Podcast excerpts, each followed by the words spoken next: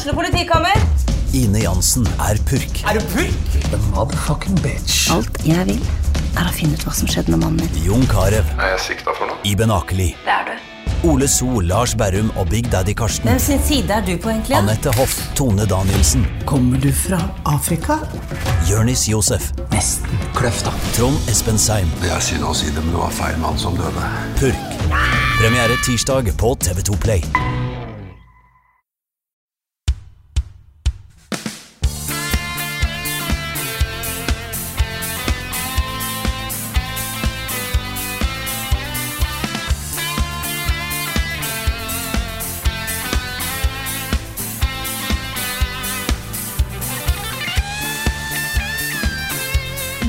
Ønske hjertelig velkommen til Summer Level Backup Done Quick, en podkast som skal gå jæklig fort, heldigitalt, eh, til inntekt for eh, Patrion-kontoen eh, til eh, Level Up Norge.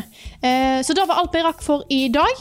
Tusen takk for at dere hørte på, alle sammen. Og så bare tuller jeg, vet du. Det er, Vi det er en vanlig podkast. Ja, jeg bare, bare tuller, vet du. Ja. Men hvis du går på YouTube ja. og setter speed til to ganger, da blir det faktisk en podcast on quick. Ah, Ja, det det er sant, det. Så du har muligheten til å gjøre det. Hvis Du du, har det. lyst til å høre denne her superfort, så kan du fortsatt gjøre det. Men nei da, det er en vanlig podkast. Med meg, Frida Danmo. Og Med meg i dag har jeg en solid gjeng. Det er Karl Martin Hogsnes, Rune Fjell Olsen og Niklas Halvorsen her i dag. Hallo, folkens. Hello. Hei, alle sammen. Du er ikke så flink til å ta ferie, Rune. Nei? uh, nei, men vet du hva? De par dagene som jeg har hatt nå, da. Jeg har slappa av, altså.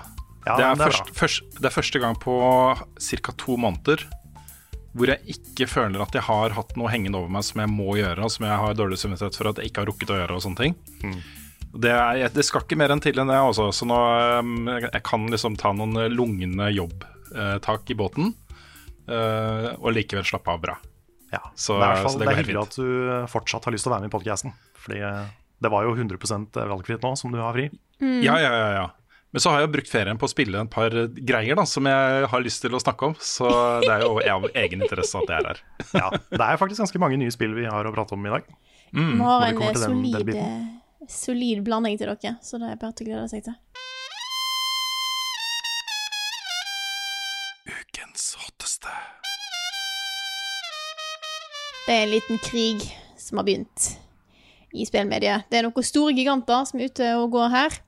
Eh, nå er det en liten, liten sak som er pågår mellom Epic og Apple og Google. Og Carl, du står klar til å rapportere mer om denne saken. Ja, jeg har prøvd å gjøre litt research på dette her. Og det, det er alltid litt sånn eh, komplisert å finne ut av hva alle, alle disse store selskapene driver med, hvorfor de gjør det, og hva de håper å få ut av det, og hvorfor de er sinna på hverandre, og sånn og sånn. Ja. Men jeg har prøvd, så får dere bare skyte inn hvis jeg sier noe feil, eller hvis noe er, eh, noe er uklart. Men det, sta det starter jo dette her med da den cutten som Apple tar i AppStore um, for spill og, og, og salg inne i spill, uh, som er 30% Og det er ganske Google har vel det standard. samme. Ja. Ja, Google har det samme. Det er ganske standard på nesten alle plattformer, egentlig. Det er vel omtrent det samme på konsoll. Steam, Steam. hadde vel rundt der, ja. Men det er jo da Epic Game Store har jo lavere cut, så det er det de bruker for å på en måte selge inn um, brandet sitt til eh, utviklere og sånne ting. At de tar en lavere andel av salg. Ja, rundt 10% Rundt 10 uh, Og Epic har nå uh, gjort uh, Altså, de, har- de har kommet med en update til Fortnite, hvor de har tilbudt en annen måte å kjøpe sånne V-bucks på i spillet. Som da eh, omgår den 30 %-cutten som Apple kjører i AppStore. Og det likte ikke eh, Apple, Da så skjønner de jeg jo. har uh, bannlyst og fjerna Fortnite fra AppStore. Det som er litt spesielt med det her, da, det er jo at eh, Epic svarte ekstremt fort. Kom Unreal-greia samtidig, eller kom den etterpå? Den kom litt senere. Kom litt senere. kom litt Senere. ja. mm. Da har jeg skjønt det riktig. Fordi eh, Epic svarte med en gang. Sånn veldig med en gang. Mistenkelig med en gang. Ja. Med, en, med forberedte rettsdokumenter. Og med en hashtag-kampanje, altså en trailer. Sånn cinematisk animert trailer. Med hashtaggen Free Fortnite. Ja, en parodi på den der 1984-reklamen som da Apple eh, kom inn i markedet med. I, Stemmer. I, i, I krig da mot Microsoft og Microsoft sitt monopol, ikke sant. Ja. Hvor da Microsoft var den store, stygge ulven, og så kommer Apple inn som den eh, frigjøreren, ikke sant. Ja, ikke sant? Den der friske, fargerike figuren eh, i alle de eh, Ja, ja. svart-hvitt eh, døde menneskene, ikke sant? Yep. Nei, Jeg er sjukt imponert. Også, jeg vet at Raudel så sier dere at jeg, er så, at jeg klipper så fort og er så effektiv. Men det her var effektivt, altså. At de klarte å lage hele den kampanjen og den traileren, den Ja. videoen der, og saksøkingsdokumentene på bare et minutt eller to. Det var kjapt, altså. Ja, da- Utrolig effektivt, altså. Ja, De er flinke til å oppdatere Fortnite, men det her er jo en ny, uh, ny bar. Mm. Nei, det er jo åpenbart planlagt, dette her. Ja, De ja. regner med de ned kommer til- til å få litt uh, retaliation. Ja, altså det virker som det er planlagt ned til hver minste kyniske detalj, egentlig. Mm. Der hvor da Epic uh, nå går i stupen på Apple for noe de visste de kom til å gjøre. Um, Apple har jo nå igjen svart med å banne Unreal Engine, som er jo en større greie, fordi Unreal Engine brukes av utrolig mange spillutviklere. Ja, Vi må være litt forsiktige med, med hvordan vi omtaler akkurat den biten, fordi det er litt uklarhet rundt hva Apple har eh, faktisk gjort da, med Unreal okay. Engine. Det det er snakk om, er um, egentlig det samme som Sånn som jeg har forstått det, i hvert fall. Det samme som det er gjort med, uh, med Fortnite. At de som allerede har Fortnite på telefonen sin, kan fortsatt ha det på telefonen sin, men ingen, de får ikke lov til å laste ned og installere updates til spillet. Men Eh, da slutter vel Fortnite å funke så fort det kommer en update, gjør det ikke det? Jo, det stemmer. Eh, men da er spørsmålet eh, hva de gjør med Unreal Engine. For det finnes jo massevis av spill på, på IOS som bruker den engine til å lage uh, ting. Eh, og jeg tror ikke det er snakk om å fjerne de spillene som er der ute allerede nå med Unreal Engine. Det det er snakk om er å stanse oppdateringer eh, av Unreal Engine-spill. Ja, så det, det det vil si da, er at spill som bruker Unreal Engine ikke vil kunne oppdateres lenger. Og det er et kjempeproblem for alle de som bruker den enginen. Ja, ja, Fordi ja. Fordi mobilspill blir oppdatert stadig vekk. Så Det er eh, dette er jo en big deal. Uh, Google har endt opp med å gjøre det samme som Apple på sine plattformer. Og um, ja Det er jo 30 uh, som er en standard i bransjen, som Epic har eh, vært litt sånn forkjemper for å, for å senke. da. Og det er jo positivt hvis den prosentandelen går ned eh, for utviklernes del. At ikke de, disse svære megaselskapene med plattformer sitter igjen med såpass mye penger. Men eh, i mellomtida så skader jo dette her veldig mange. Det gjør det, Epic er jo veldig stor. Og nå, virker, nå kjører de hele kampanjen med liksom Free Fortnite. Eh, men dette er jo viktig for flere, mer enn bare Fortnite akkurat nå. Og Altså vet jeg ikke helt hva jeg syns om den der, eller jeg vet hva jeg syns, jeg liker det ikke. At, uh, at Epic da eh, engasjerer publikummet sitt, som består av ganske mange barn, Ja. i en sånn hashtag-kampanje som minner om en sånn drama-youtuber-grep. Mm. det, det er syns jeg er gross. ja, det er at de ikke tar tak i at dette er et problem for spillutviklere som ikke får pengene sine. De bare sier sånn de, de, Se, de tar Fort- Fortnite. Vi kan ikke la de ta Fortnite, kan vi da? Nei, vi kan ikke det, sant? Og så får du den derre mobben som, som Mm. kjører ting derfra. Ja, så hvis du ser etter en good guy i historien her, så fins det ikke. Nei, det er sånn, hvem Ingen skal du heie på? Skal du heie på Epic eller Apple eller Google, liksom? Ja, ja. Altså, men men eh, til Epics for, eh, forsvar, da, så har jo de på en måte blitt giganter litt ved et uhell. Eh, Fortnite, eh, at Fortnite fikk et Battle Royale-modus. Det skulle jo ikke ha det i utgangspunktet. Så testa de ut det, og så bare eksploderte det. Det var jo et uhell, på en måte, eh, som, som har gjort at de bare håver inn penger. Eh, og så er, nå er, Det er ingen av oss som er uh, eksperter på uh, retten og jussen rundt dette her. Men jeg føler meg ganske sikker på at Epic ikke har noen god juridisk sak her. Fordi det, det må da være opp til plattformene selv å bestemme hva den cutten skal være. Hvis ikke du aksepterer det, så får du bare la være å gi ut spillet ditt der, da, på en måte. Ja. Altså, jeg kan ikke forestille meg at så, så de må spille på følelser. De må spille på følelser og piske opp en sånn stemning som gjør at Apple ikke føler de har noe valg annet enn å være good guys og senke den cutten. Ja. Det er liksom Ja. det eneste alternativet de har, da, eh, for å få til det. Ja, fordi de visste jo at de brøyt retningslinjene til Apple da de la inn den oppdateringen Ja, ja. til Fortnite. Og det var jo 100% planlagt fra første øyeblikk. Så um, nei. Så kan du jo si at det er på en måte Jeg skjønner at Epic tar den kampen, for de tjener så mye penger at de har råd til å ta den kampen. Så da kan det være en positiv ting for spillmediet hvis det, ja, det, det er vanskelig å si hva som eh, Det er det, altså. For det, det positive er jo eventuelt hvis de lykkes og Ja. den cutten blir senka. Men det er jo, jeg vet ikke hvor stor sannsynlighet det er for at det faktisk skjer. Nå er jo Jeg- Epic er svære, men Apple og Google er jo Ja, større. Betydelig større. Jeg tror de kan lykkes. Jeg tror ikke de får den ned i 10% men jeg tror de får ned i kanskje rundt 20 da. At uh, de møtes litt på halvveien etter hvert. Fordi utgangspunktet her er jo at det, det er litt umoralsk å ta en tredel nesten av inntektene, da særlig til mindre indie-teams, som kanskje er helt fullstendig avhengig av den toppen der, liksom. De ekstra 10-20 prosentene for å gå i null. For at ikke det skal bli tapsprosjekt å gi ut et spill. Så sånn rent moralsk sett så har Epic rett, liksom. Den bør ikke være 30 Eh, For Epics del så utgjør det også selvfølgelig en stor forskjell i og med at de tjener mye mer, men de tjener allerede veldig mye. Så de, de går ikke konk hvis ikke de får den cutten ned, ikke sant? Nei, nei for det, dette her er jo massive massive selskaper som vil ha mer, på en måte. Ja. Det, er jo, det, er ikke, det er ingen av disse her som lider. Men jeg skjønner jo, jeg skjønner jo eh, at både Apple og Google kommer til å kjempe med nebb og klør eh, også, fordi eh, det, dette er jo ikke offentlige tall, men eh, det blir anslått av analytikere at Apple tjente rundt 50 milliarder dollar på AppStore-inntekter på denne cutten her, da, Å, eh, i fjor. Herregud. Så det er jo betydelige tall hvis den senkes. Ja, Ja, for da, de tjente 15 milliarder dollar. Cutten deres var 15 milliarder dollar av de 50 milliarder dollarene som ble omsatt på, på AppStore. Og så nå vil da Epic at de skal ned til 5, så de sier, ville da sagt nei til 10 milliarder dollar. Og det Er liksom, er du et selskap som driver en business, særlig den størrelsen som Apple gjør, da, så sier du ikke nei til 10 milliarder dollar. Nei, Jeg tror ikke jeg heller hadde sagt nei til 10 milliarder dollar. Nei, jeg hadde ikke gjort det, jeg heller. nei det, det kan du si. Vet ikke om det er jeg som trenger det mest i verden, men, men jeg hadde jo for så vidt ja. Herregud, det er mye penger. Det er, Det er mye penger, altså. Altså, en hvor- milliard, Jeg tror ikke folk helt skjønner hvor mye en milliard er. Og så er det dollar i lengst tillegg, så det dollar? er 10. Ja, doll, ikke sant? Og det er sånn, En milliard det er, det er ganske mye mer enn en million. Ja, det er ganske mye mer. Det er tusen ganger mer, faktisk. Det er tusen ganger mer enn en million. Det er tusen millioner. Det er tusen millioner. Det er helt sjukt.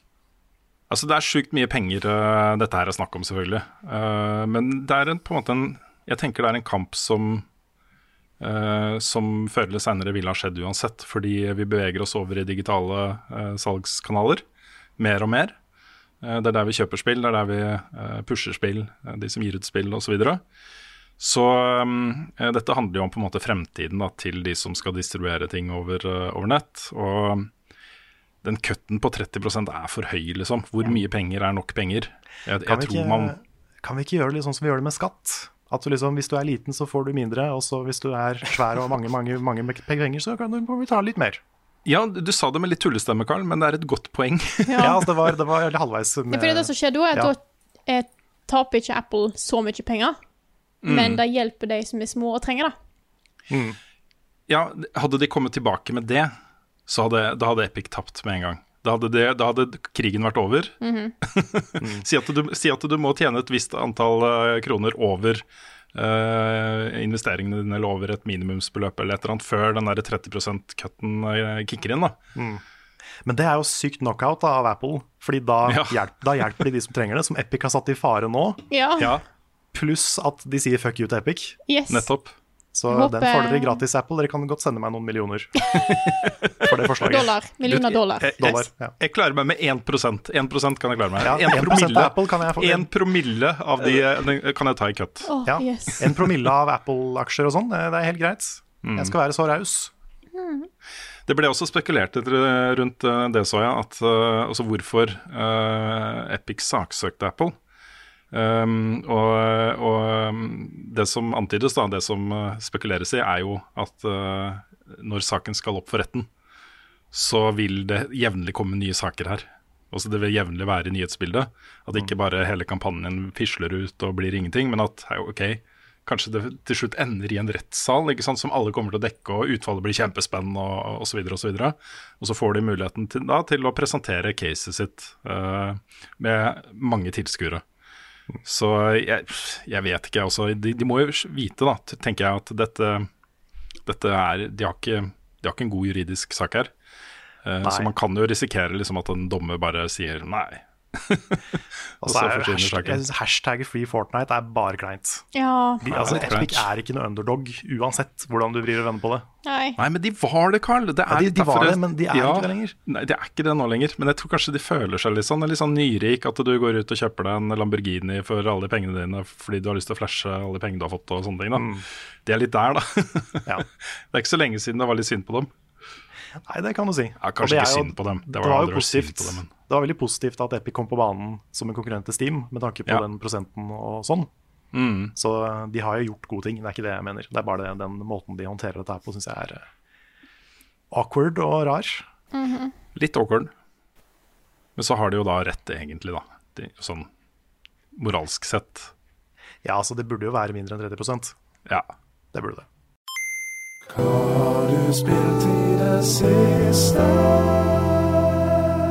Jeg tror vi har spilt en solid, god blanding med spill denne uka her. Eh, men jeg gir først ordet til Rune, for du har spilt en av de største eh, spillene som kom ut denne uka her. Ja, Microsoft Flight Simulator. Og det er litt spesielt, det spillet der er litt spesielt også, fordi jeg jeg husker så godt da de viste det fram første gang. Da var det litt sånn Folk litt sånn målløse. Folk forsto ikke helt hva det var de faktisk så. Og så når du, du så de fløy over savanner, og du så jordkloden på den måten som de presenterte det der, da, i den første traileren, så var det sånn Dette her må jo være liksom altså, De må jo jukse. Det, det ser jo ikke sånn ut. Det kan jo ikke se sånn ut.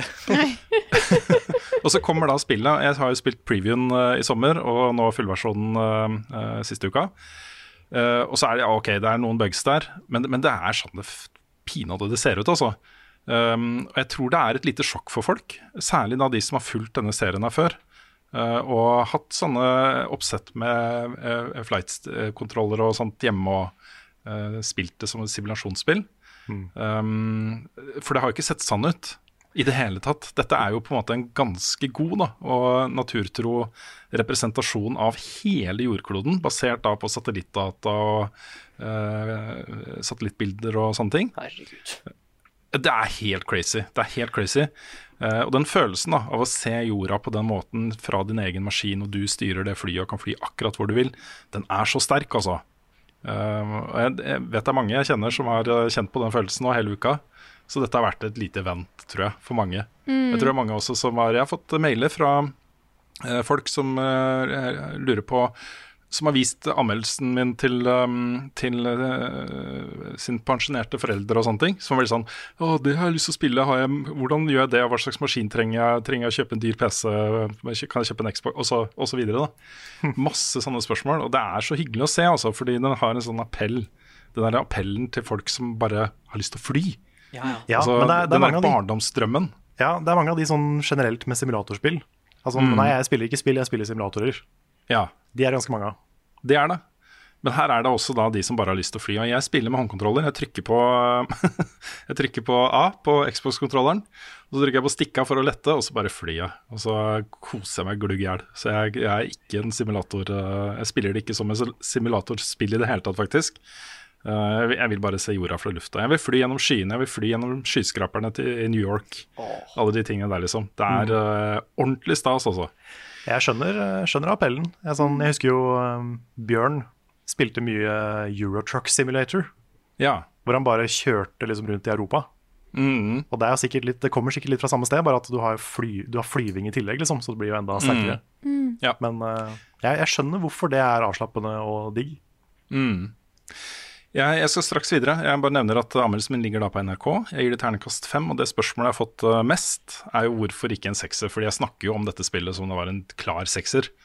Uh, og grunnen til det er rett og slett at uh, dette spillet kommer til å bli utrolig mye bedre på ganske kort tid.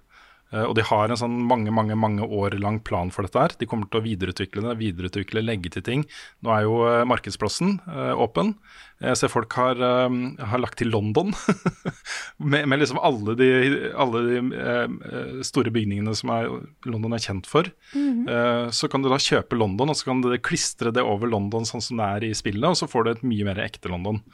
Eh, det kommer til å utvikle seg og utvikle seg. utvikle seg. Hva skal jeg gjøre da? Skal jeg gi det terningkast sju, liksom? Eller åtte? det går ikke det, liksom. og i tillegg da så er det en del sånne småbugs. Jeg prøvde jo da å fly over Uh, det skal, gjør litt vondt å si det, men en av våre vakreste byer, Bergen. um, og der var det sånn Bygningene sto jo på sånne høye påler uh, av fjell, midt i byen, liksom. Det var, her var det BBB, og så sto det bare en sånn høy, rett påle med fjell, og oppå der var det en skyskraper, eller ikke skyskraper, men en høy bygning. Så det er en del sanne type bugs, da, særlig på de stedene som ikke er så godt uh, uh, eh, kartlagt av Bing.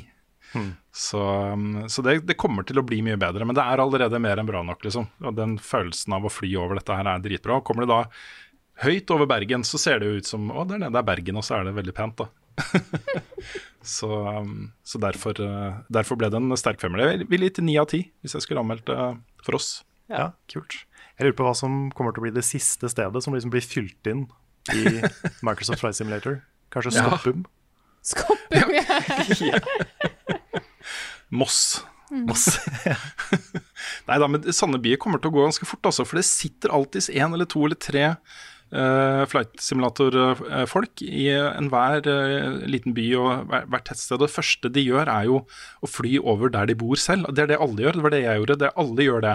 Hvordan ser det ut der jeg vokste opp, eller der jeg bor nå, eller uh, Og de kommer jo til å få lyst til å fikse dette her. Så hvis du i tillegg kan liksom drive med litt 3D-modellering og sånn, så Men hvor mye dårligere er Bing Maps enn Google Maps? Er det, liksom, er det stor forskjell?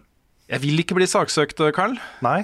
Så jeg vet ikke. Så min, min erfaring med det er rent anekdotisk og subjektiv. Riktig. Så det, vi har nothing but respect for our Microsoft overlords. Nei, men Erfaringen min er jo, eh, også med Google Maps, er jo kruttsterk. Der har du jo, eh, I Microsoft Flight Simulator så har du den samme jordkloden. Hvor du kan se den fra, du kan zoome helt ut og se hele, hele jordkloden, snurre på den, og så zoome inn på akkurat hvor du vil. da.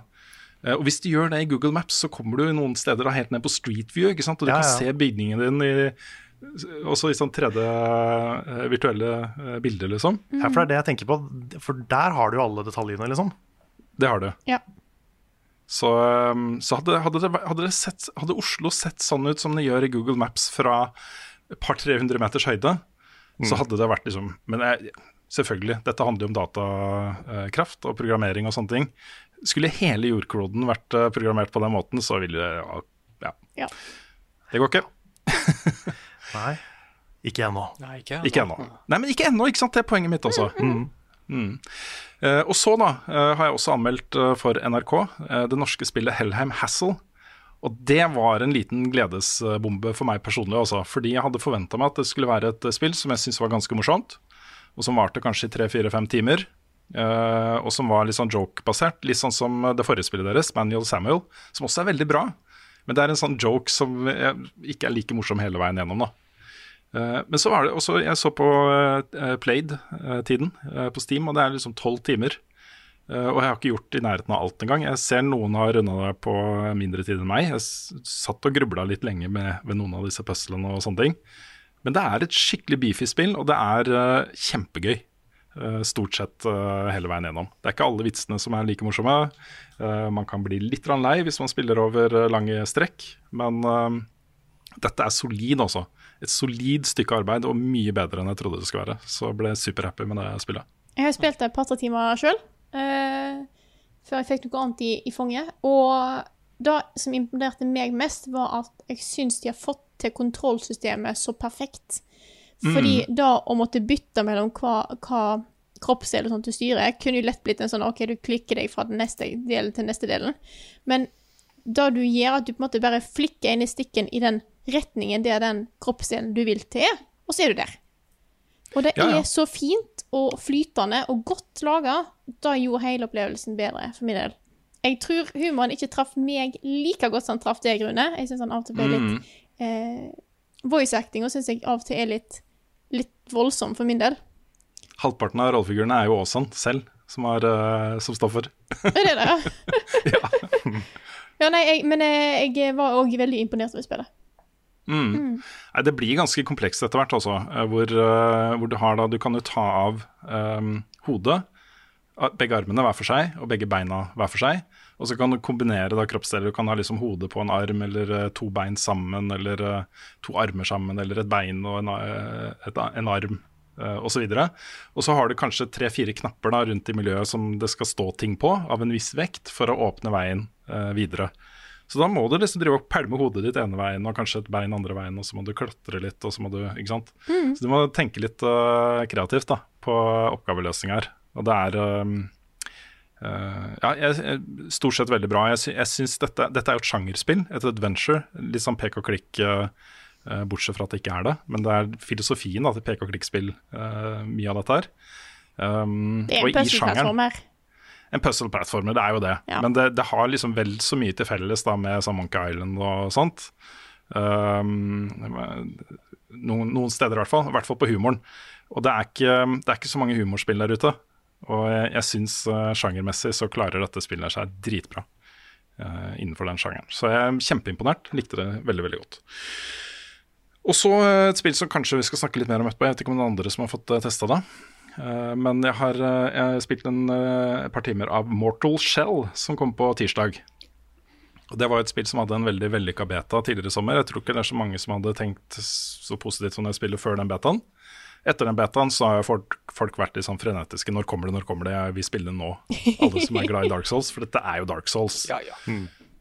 Så um, eh, jeg må innrømme at eh, jeg sliter litt med å komme inn i, um, i systemene til spillet. Fordi eh, ting heter jo noe helt annet enn de gjør i Dark Souls, og det er også en litt annen måte å um, uh, gjøre ting på. For eksempel så savner jeg sjukt den der Estus-flaska. Du må isteden liksom spise consumables for å få tilbake helse. Eh, og Det betyr at du også må farme etter consumables for å ha med deg helse inn i fighter og sånne ting. da Akkurat den biten har drept meg så mange ganger også. For da ok, jeg spiste min siste sopp. da er fighten over, da. eh, på en måte. Men sier du her, Rune, at det ikke er hashtag litt sånn som Dark Souls? Jo da, det, det er veldig sånn som Dark Souls-fighting og alt, og stem, ikke minst stemningen. Eh, måten historien fortelles på, med bare noen sånne, en sånn mystisk stemme som kommer med noen sånne setninger. Som er, det skal bare plassere deg et sted, på en måte.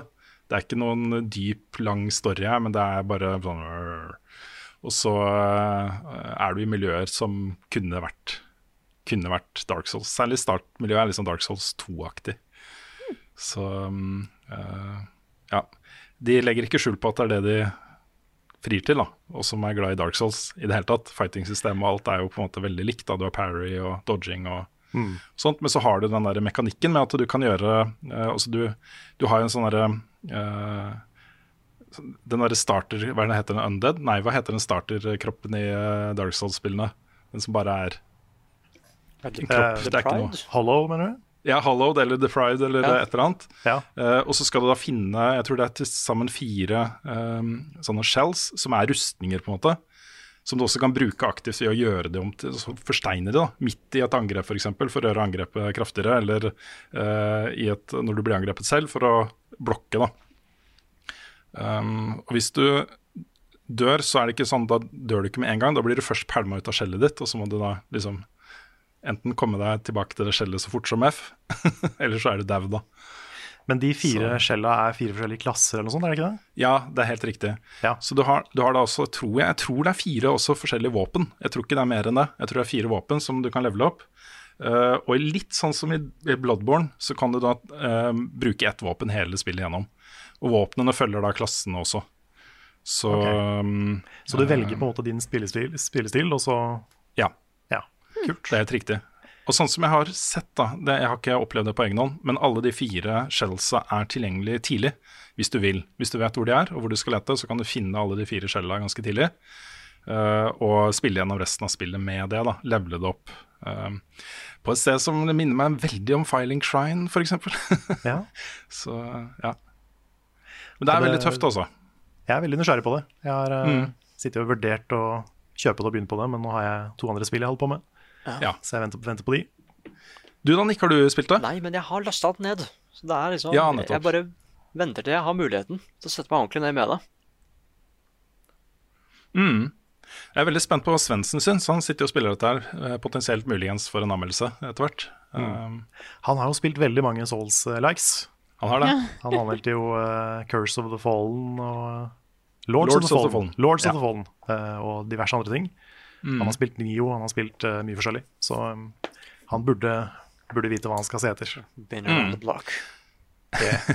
Jeg syns dette er litt stilig også, fordi eh, det, det er på en måte uh, den effekten da, spill har på, på vordende utviklere. Det er det man ser her. Dette er et lite indie-team som er fryktelig glad i Dark Souls, og som har lyst til å gjøre sin vri på en sjanger de har vokst opp med og er glad i, liksom. Uh, og så lykkes de så godt som dette her. Det er liksom, Jeg syns det er solide greier, altså. Så bare jeg får motivasjon til å komme over den derre terskelen, så, skal jeg komme meg gjennom. Ja, det er, altså, vi prater jo veldig mye om Dark Souls, um, men man skal ikke undervurdere hvor stor effekt det spillet har hatt altså, på Nei. hele spillandskapet. Nei, nei, nei. Det er helt sjukt. Det, er, altså, det spillet har vært en sånn Elvis. Ja, det er det. Sånn virkelig sånn punkt i spillhistorien. Ja, på samme måte som uh, Wolfenstein 3D og en del av de der merketitlene opp igjennom. Hmm. Ok, og så um, avslutter jeg med et spill som jeg egentlig hadde, egentlig hadde lyst til å starte med. Uh, men det er av dramaturgiske årsaker, for jeg vet at det er flere enn meg som har spilt det. Eh, og det er et spill som også kom ut av intet for meg, eller jeg har sett det før. Um, men det er litt interessant med denne typen spill, fordi når man ser en trailer av det, så ser det ja, det ser koselig ut. Og så får man ikke noe godt bilde av hvor, hvilken impact det faktisk har å spille det selv. Eh, og det var tilfellet med da Spiritfarer, som kom nå eh, denne uka her. Og den, jeg må bare si den første timen med det spillet er noe av det aller beste jeg har sett i spill noen gang. Altså. Den opplevelsen av å komme inn her var helt magisk. Måten de bruker musikk på, måten eh, stemningen legges opp, hvordan de presenterer de forskjellige rollefigurene. Det er bare fylte meg med en sånn derre velbehag. En sånn følelse av at åh, nå kan jeg slappe av. Her er det koselig. Det er til og med mekanikk her. ikke sant? Du kan kose. Du kan kose katten din. Du har en katt! Ja. Du kan kose katten din når du vil. Du kan kose de MPC-ene, som, altså teamet ditt, da, de du fyller båten din med, Uh, innimellom, for å få opp uh, moralen deres, på en måte. For å få de til å ha det bra. Og man går rundt og bare er i en sånn følelse av å bare Her skal ting være chill og, og koselig, liksom. Ja, for jeg hadde litt uh, motsatt uh, erfaring av deg når jeg så traileren. Ja. Fordi jeg satt og så på den Nintendo Indie-directen. hvor det, det spillet bare plutselig dukka opp og kommer seinere i dag. ja, ja. Og da jeg så den traileren, så var det sånn Oh my god, det her skal jeg ha med en gang. så det var det, It spoke to me. Men det var også, også fordi den der pusekosen var med i traileren. Åh, ja, ikke sant. Åh, det er så koselig. Jeg tar meg selv og gjør det igjen og igjen og igjen. Jeg koser Ja, ja. disse menneskene hver dag, hver gang jeg kan. Og hver gang de sier nei, men det, vet du hva, jeg trenger ikke en kos akkurat nå, så blir jeg litt sånn Men hva med Det er meg? sånn de, ja, det er sånne bamseklemmer. De lener seg inn i deg og legger liksom hodet på skulderen din, og så kommer de med sånn ha-lyder. Mm. Og det er, å, det er så koselig, altså. Og den katten er så fluffy. Ja, Så du får liksom fluffen på katten over hele deg. Ikke sant? Det er Ja, kjempekoselig. det er det er kjempe, kjempe, kjempekoselig. Oh, jeg bare gleder meg til å teste dette her, altså.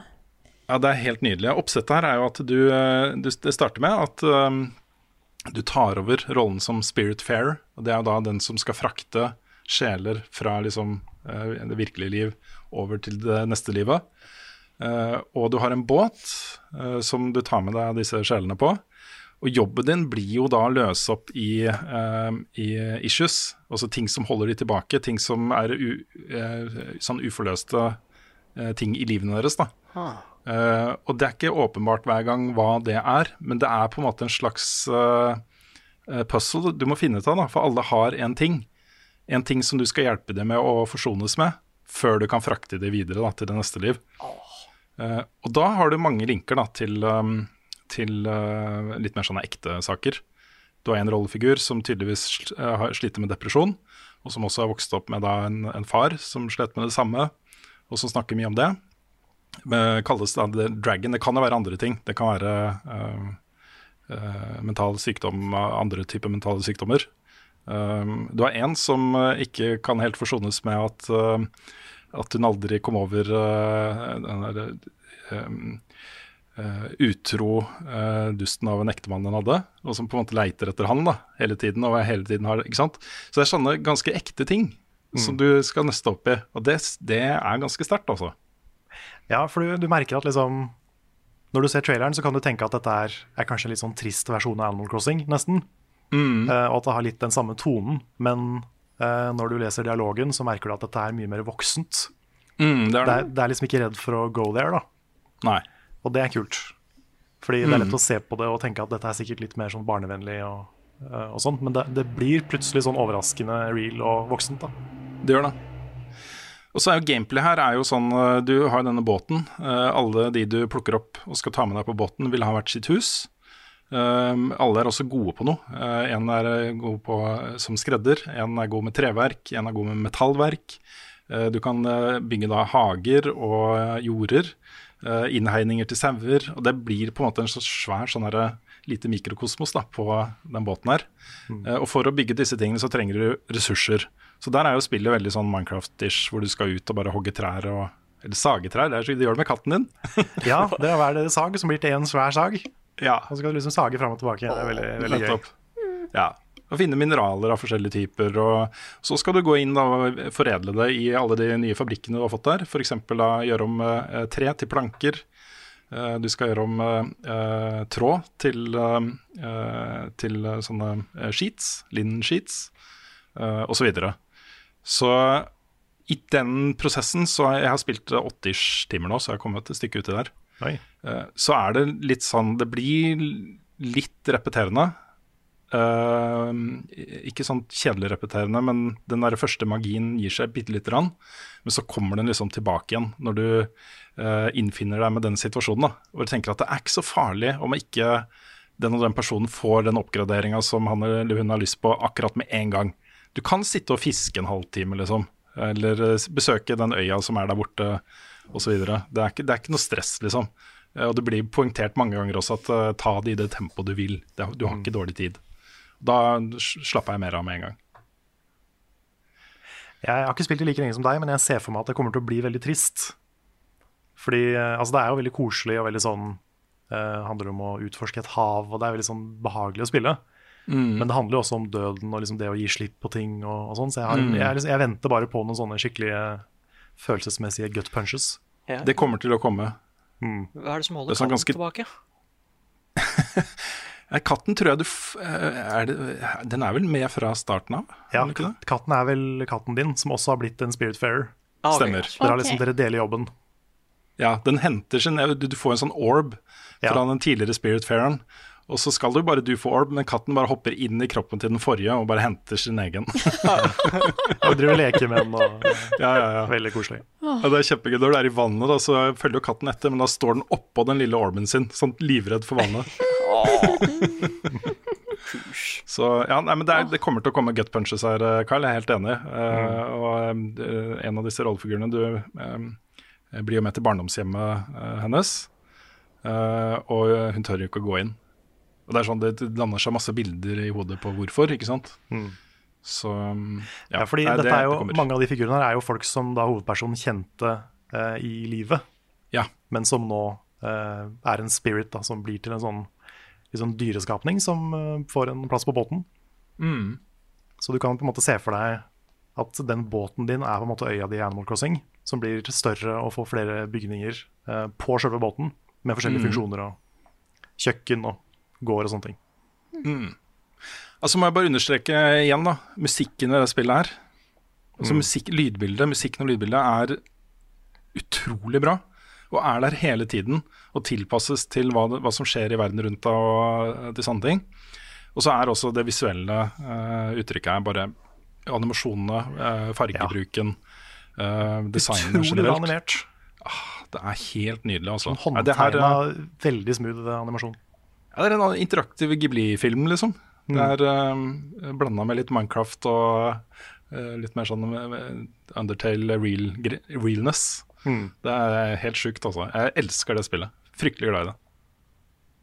Så da var jeg gjennom mine. Ja. Skal jeg ta over, siden vi allerede er i gang med mine? Kjør på. Mm.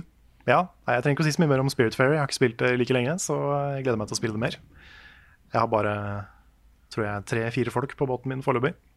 Så jeg er liksom tre timer ute, kanskje. Men jeg digger det så langt. Så jeg har endelig fått begynt på Ghost of Tsushima, Ja. Hei! og det var på tide. I hvert fall etter at den eh, Vi kommer tilbake til det etterpå, men det kom noen nyheter om det spillet de siste par dagene. Men jeg um, liker det så langt. Det er ikke helt det jeg trodde det skulle være. Det er um, jeg, jeg er ikke fullt så gira på historien som jeg hadde håpa jeg skulle være ennå. Jeg er fortsatt bare på kapittel én, så jeg har bare flydd rundt og utforska og gjort en del ting. Fått noen upgrades og gjort noen quester. Men, um, men det er noe der. Jeg syns den verden er utrolig kul. Jeg liker å utforske, jeg liker måten du blir guida av vind og dyr og sånn. ja.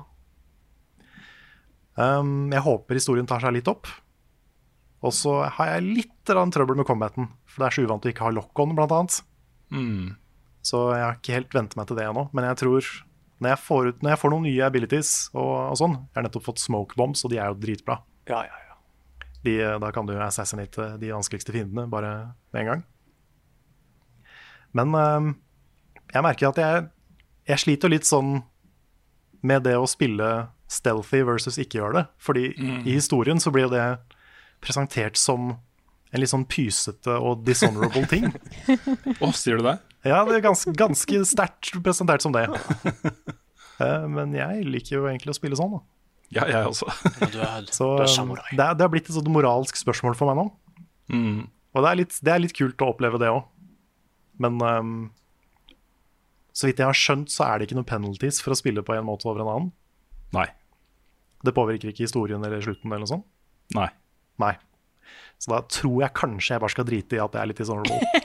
Ja, men på, på, grunnen til at det er sånn, eh, Carl, det er jo fordi eh, du som spiller blir bedt om å ta den samme beslutningen som, eh, som Gin gjør. Ja, det kan du si. For, Det er sant. for, for å eh, klare å redde Sushima, så må han bryte med sine egne prinsipper. Mm. Dermed må også spilleren gjøre det. Så jeg tror det skal gjøre litt vondt. Det er meningen på en måte at det, det skal gjøre litt vondt. ja, ja. Ja, ja det, det gjør det. Men uh, ikke så vondt at jeg lar være, altså. Nei, det er bra. Fordi jeg har liksom fått OK eh, koll på combaten nå. Jeg klarer å ta liksom en, en gjeng med fiender på rad, men når det blir veldig mange, og de eh, fyller hele rommet, så sliter jeg. Mm. Så um, jeg er ikke helt uh, forelska i combaten ennå, men jeg liker eh, mye av det andre. Ja. Så det blir, nok, det blir nok bedre etter hvert, tenker jeg. Hvilken hest valgte du? Jeg valgte den svarte. Ja. Hva, hva heter den? Og hva heter den igjen, da? Nei, husker du ikke hva han den heter? Jeg, jeg spilte det et par dager siden. Men uh, det var tre forskjellige valg der. Ja. Det var ikke Kuro, men det var Det var noe sånt. ja. Et japansk ord. Et japansk ord. Var, det, var det Nobu? Nobu, tror jeg det Ja, var. for det testen min nå. Jeg valgte den grå. Ja, min også. Ja, okay, da, Og det var en grå, ja. Okay. Det var nok. Nobu, ja. Jeg hadde en svart Nobu, jeg også. Nice. Mm. Ellers så har jeg nå endelig, etter mange mange måneder med slit og nøye planlegging, klart å avle fram hver eneste blomst i Animal Crossing. Wow. Gratulerer og kondolerer. Takk, takk for begge dere. Den siste var grønn, grønn møm. Den fikk jeg i natt. Det var noen lilla som var vanskelig, og så var det den grønne mømmen, og de blå rosene var jo de verste. Men Men jeg så jo den annonsementen i dag om at det kommer en egen delelse med 100 nye blomster, Karl. Carl. Ja, det er bare å glede seg til. Ja. Kommer, det er ikke kommet ute nå. Den er ute nå. Ute- Ja. ja, nei, da er jeg tilbake på det. Nei da. Jeg har, jeg har gjort det meste av det jeg kan gjøre nå i det spillet, føler jeg. Men uh, jeg får se. Kanskje ta en liten sånn uh, liten oppfriskning av uh, hvordan ting ser ut der ute, og så laste opp på sånn Dream. Så kan folk eh, komme og besøke, tenker jeg. Mm, Hvis de vil. Det tror jeg det er mange som vil.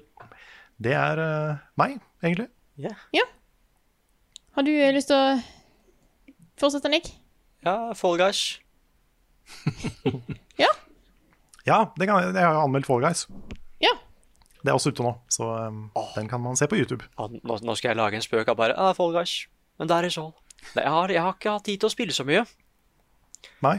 Det har vært, litt- litt mye jobb og litt sånn, men jeg har gått litt i Fall Guys fordi jeg fikk jo tak i fargen gul. Så da er det Ja. Men jeg så at Ja, level 15. Ja, men jeg så at det er enda en gul litt uh, lenger ut, så må jeg få tak i den. Uh, så må jeg også trene litt, uh, Fall Guys. Vi skal gjøre noen greier der, så jeg må trene litt, ikke sant? Mm -hmm. Ja, jeg tenkte jeg skulle spille inn i morgen. Ja. Jeg vet ikke når jeg får tid til å gjøre det. Men det jeg har gjort, derimot, når jeg ikke har uh, fått tid til å spille og sånn, er at jeg har gått uh, Det handler ikke om hva jeg har spilt, men jeg må bare snakke litt om det, fordi gosh darn it, altså. Uh, nå som jeg har sett ferdig Breaking Bad og Better Call Saul, så har jeg jo en del serier som jeg må se Som jeg har skrevet opp, ikke sant? Blant annet Dark og litt sånn. Men før det så måtte jeg se Mr. Robots. Mm. Uh, fordi den er jo ferdig. Fire sesonger. Så jeg så sesong én igjen, og bare ja, jeg kom til sesong to sist gang, før jeg ga meg. Sesong én er kjempebra. Sesong to syns jeg var bedre. Men sesong tre av Mr. Robot Den er bra, ass! Den er, Den er det. Altså, det, det, skjer Den serien er litt rar. Eh, Den er litt sånn rar eh, måten den er filma på, og måten historien er bygd opp på og sånn. Men det har aldri liksom vært en sånn Når jeg ser på Game of Thrones og jeg ser noe crazy greier der, så tenker jeg liksom aldri Jeg lurer på åssen de gjorde det her, for jeg veit åssen de gjorde det. De hadde en svær PC, liksom. men i Mr. Robot så er det flere ganger spesielt en episode i sesong tre. Skal ikke si hva den er, men jeg skjønner ikke åssen de har gjort det. Åssen har de lagd det? Åssen har de greid å liksom filme det her? Lagd noe rundt det her? Det er helt sykt. Jeg måtte gjøre research på det. Åssen er det mulig? Jeg har lyst til å si hva det er, men jeg tør ikke, for jeg visste ikke selv om det. ikke sant? Før jeg så episoden. Nei, altså er det bare Det er kjempespennende. Det har liksom vært to sesonger med build-up til en sånn spesiell hendelse, føler jeg. Og det, den skjer i sesong tre. liksom. Ja, kult. Det er kjempekult, og jeg gleder meg hver gang nå til å se mer. Mm. Men du har ikke begynt på sesong fire ennå, Nick? Nei, jeg har eh, to, tre eller to episoder igjen, tror jeg, av sesong tre. Ja, ok. Fordi sesong fire har masse sånne eh, filme-klippe-gimmick-episoder. Ja. Så jeg tror du kommer til å like de. Åh, nice. Nei, så det er, de. De prøver seg på mye kult. altså, den serien der er så Jeg hadde glemt hvor bra det var. altså. Det er så bra. Ja, det er helt konge. And it sticks to landing. Ah, det er jo det er flott Det er kult. Nei, så det jeg har spilt mest, er Mr. Robot, egentlig. Faktisk. Jeg kan, kan nevne da at eh, det du sitter og jobber med, Nick, er jo en uh, diger serie Ja, som, uh, som uh, vi lager sammen med Good Game, det stemmer. som kommer til å bli bra. Så den er snart, snart ute også. Det, folk trenger ikke gå og vente i månedsvis på, på den. Det er, I løpet av noen uker så er første episode ute, tenker jeg. Det er sant. Yes. Gleder meg til å se. Og da tar jeg over. For jeg har eh, tatt litt tak i eh, Jeg fant meg et spill før eh, Rett etter, etter vi spilte inn forrige podkast, og jeg tenkte at nå er det på tide at jeg tar og sjekker ut det spillet her. Og da er spillet spill som kom ut i sommer i Early Access, som jeg har hatt på lista mi, men jeg har ikke hatt tid før nå, og det er Ublitz. Ja! Da er det superkoselige, fargerike, tøysete blandingen av Stardew Valley og Pokémon. Ja. Ja, Hvis- jeg har vært veldig nysgjerrig på det. Ja, Um, så du er på ei øy der det er små, rare creatures som heter ublets. Uh, og så ha, reiser du der uten å ha noe med deg, selvfølgelig, så du bare får en, en gård som du kan gro ting på. Og alt er veldig sånn tøysete og tullete stil og, og eh, koselig og fargerikt og alt mulig rart. Uh, og så skal en da slåss mot ublets i Dance Battles, som er kortbasert. Eh, og hvis du vinner mot en, en type ublet, så kan du få et frø av den, og så kan du gro din egen sånn ublet. Og så er det jo da om å gjøre å få tak i mange, og så òg gro grønnsaker for å gjøre sånne ting som du vanligvis gjør i sånne Harvest Moon-spill. Og jeg syns det er litt kult. Det er fargerikt, det er festlig. Det er, det er en fin sånn ting å gjøre. Det er gøy spill å spille for å liksom bare forsvinne litt ned i et spill uten å tenke på at han skal være så seriøs og så viktig og ha en tung story og sånne ting. Eh, det er ikke like bra som, eh, som Stardew Valley. Eh, det er Det føles litt rotete. Det er jo fortsatt i early access, dette her, så det er vanskelig å dømme det fullstendig eh, sånn sett. Det føles litt tomt og litt rotete, syns jeg. Eh, for alle ting har Det er veldig få ting som har vanlige navn. Så du gror masse grønnsaker, og det nærmeste du har en carrot, som er, en, eh, som er gulrot. Eller så er det veldig mye sånn fantasy-grønnsaker. Sånn at når jeg får beskjed om at kan ikke du lage den Kan du skaffe meg sån, noen sånne? Og så sitter jeg der sånn Jeg vet ikke, jeg husker ikke hva det er for noe. Er, er, det, du, er, det, er det et bakverk? Skal jeg lage et bakverk til deg? Er det det du vil? Eller er det eh, For det er jo sånn det er ingenting som heter vanlige ting. Hotdog Nei. heter ikke hotdog, det heter hobcob, et eller annet sånt rart. Det liksom Det blir så mange tullenavn at jeg sitter der og ikke husker hva ting er. Fisking heter ikke fishing. Å nei. Det heter noe seed dab, et eller annet sånt. Det er noe sånne rare greier. Så det sånn, det blir, så, det blir, så, det blir for mye innimellom. jeg sitter der og er litt forvirra. Men eh, det er veldig koselig. Og jeg sitter der når jeg, når jeg er på disse dance battles, og så er det faktisk ganske kul musikk, så da sitter jeg der bare sånn Jeg sitter og beveger meg litt til musikken og koser meg og har det liksom egentlig litt, eh, litt festlig. Og kampdansesystemet er ikke veldig avansert, eh, men du kan få til litt tactics likevel, så det er, jeg liker det veldig godt. Men det, det er ikke jeg, Det har litt ting igjen eh, før det liksom blir gøy over veldig lang tid, tror jeg. Sånn som stadig vel er, for der kan du bare kaste inn hundrevis av timer og bare have fun, liksom. Kanskje du kan kjøre en sånn der Fridas Just Vibing eh, Ublets-stream? Ja. Ja. Jeg vet ikke helt hva jeg skal gjøre med det eh, ennå. Jeg lurer kanskje litt på jeg skal, jeg skal gi det litt til, for jeg har spilt noen timer nå. Jeg vil gi det litt til. Eh, og få testa det innholdet som er der nå, for det er flere områder som skal komme etter hvert. da.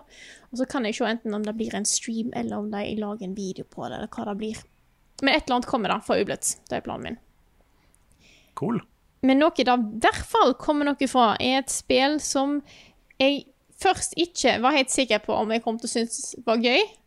Det her var litt morsomt, Ja. fordi vi fikk kode av det, og så var det sånn Er det noen som vil ha det? Og ingen var sikre, og du var litt sånn Ja, jeg kan jo ta en kikk, da. Og så var det sånn, ja, OK, da eh, nedprioriterer jeg Hellheim Hassel, da kan jeg ta dette her. Og da er fucking Battletoads. Battletoads, ass. Ja. Og, Blast from the past. ja, og det er, jo en, det er jo en spillserie jeg ikke har noe forhold til. Uh, utenom at jeg har hørt om at Battletoads til NES var kjempebra og forferdelig vanskelig. Uh, så jeg var jo forberedt på, på måte, ok, hva er det jeg kaster meg ut i her nå. Sidescrolling beatmups ups er ikke helt min ting. Men Battletoads er ikke en sidescroller beatmup. up. Det er en beatmup up som òg er en space shooter, en platformer, uh, en racer Uh, og en, ja, en vanlig puzzle-platformer i tillegg. Det er liksom De har bare tatt alt de hadde lyst til, og kjørt det inn i ett spill. Og i tillegg så er det kult. Uh, det er veldig sånn cartoony uh, stil på det. Tøysete. Humoren treffer som regel. Uh, Nice. men det er, det er bare skikkelig jeg, jeg, jeg ble egentlig veldig overraska. og det er nå har jeg spilt gjennom det på normal, eller Toad vanskelighetsgrad, som det heter. Eh, for du kan velge mellom Tadpole, Toad og Battletoad. Uh, spillet er ikke spesielt langt. Jeg var ferdig etter tre og en halv time. Ah, ja. Så jeg skulle egentlig ønske at det var litt mer, men det er mye der. Eh, jeg tror jeg skal teste meg på en Battletoad eh, gjennomkjøring. Da upper de eh, helsa til fienden, hvor mye damage de gjør, og hvor lang tid det tar før hver karakter respawner, for du bytter vel om tre stykker. Så eh, da tror jeg jeg kommer til å gå skikkelig ræva. Uh, jeg får se om jeg ender opp med å kanskje om det blir en streamer, da. Men jeg har lyst til å anmelde det. Jeg har bare lyst til å måte prøve å få enda mer av hva dette spillet har å by på. For jeg, eh, det var utfordrende, uh, men jeg har ikke helt fått den, den, den vanskelige Battletoads-opplevelsen ennå. Men den tror jeg er på Battletoad-vanskelighetsgrad. Jeg er litt overraska over at det er bra, faktisk. Jeg så for meg at liksom Det, er- det her kommer til å være en sånn Bubsy. Sånn de, de reviver Bubsy bare for moro skyld, og så lager de et skikkelig drittspill. Men hvis det faktisk er ordentlig bra, det er jo kjempegøy. Det er det, og mesteparten av det som er der, er gøy. Det har et, et midtparti der som egentlig er, som er litt tregt, litt tungt. Eh, og da Jeg tror uten da så hadde det spillet vært enda bedre for min del. Men jeg, de får til veldig mye stilig her. Eh, og det er jo lagd Og de har med, Altså dette spillselskapet her, som heter Delala, tror jeg, det står at de har utviklet det her i litt samarbeid med Rare, som lagde originalen. Ah. Eh, men eh, de gjør det til, til noe eget. De gjør det. Så jeg har, eh, har kost meg. Jeg gleder meg til å få snakke Eller liksom få, få snakke ordentlig om det i en anmeldelse, for jeg har en del ting jeg har lyst til å ta opp. Eh, men jeg tror eh, det er jo multiplayer der. Så jeg tror det kan være festlig eh, som en multiplayer.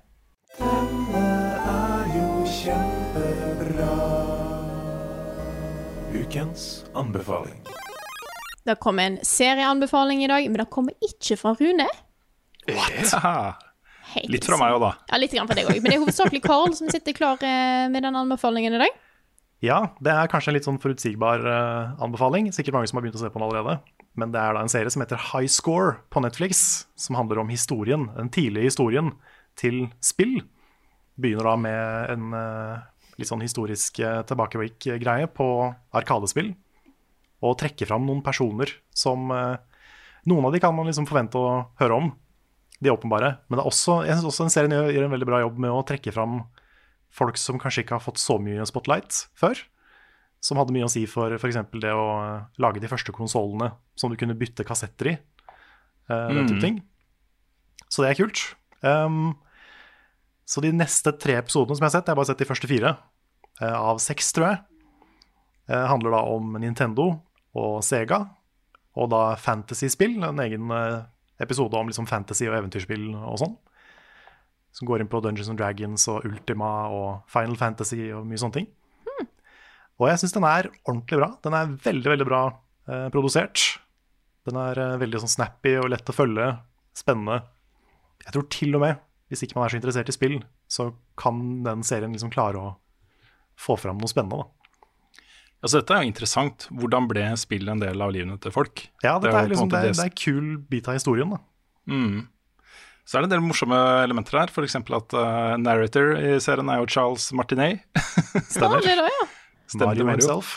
Ja, det blir ikke nevnt. I hvert fall ikke i første episoden. Så det er bare sånn easter egg, føler jeg. da. Ja, Jeg jeg, det venter bare på liksom, kanskje siste episode. Ja. Eh, så leder det til meg, og så kommer liksom Ja, Serien skal jo etter det jeg har sett, da, hvis jeg har smugkikka litt på beskrivelsene på Netflix, um, skal slutte med Wolfenstein og tidlig 90-tall. Mm.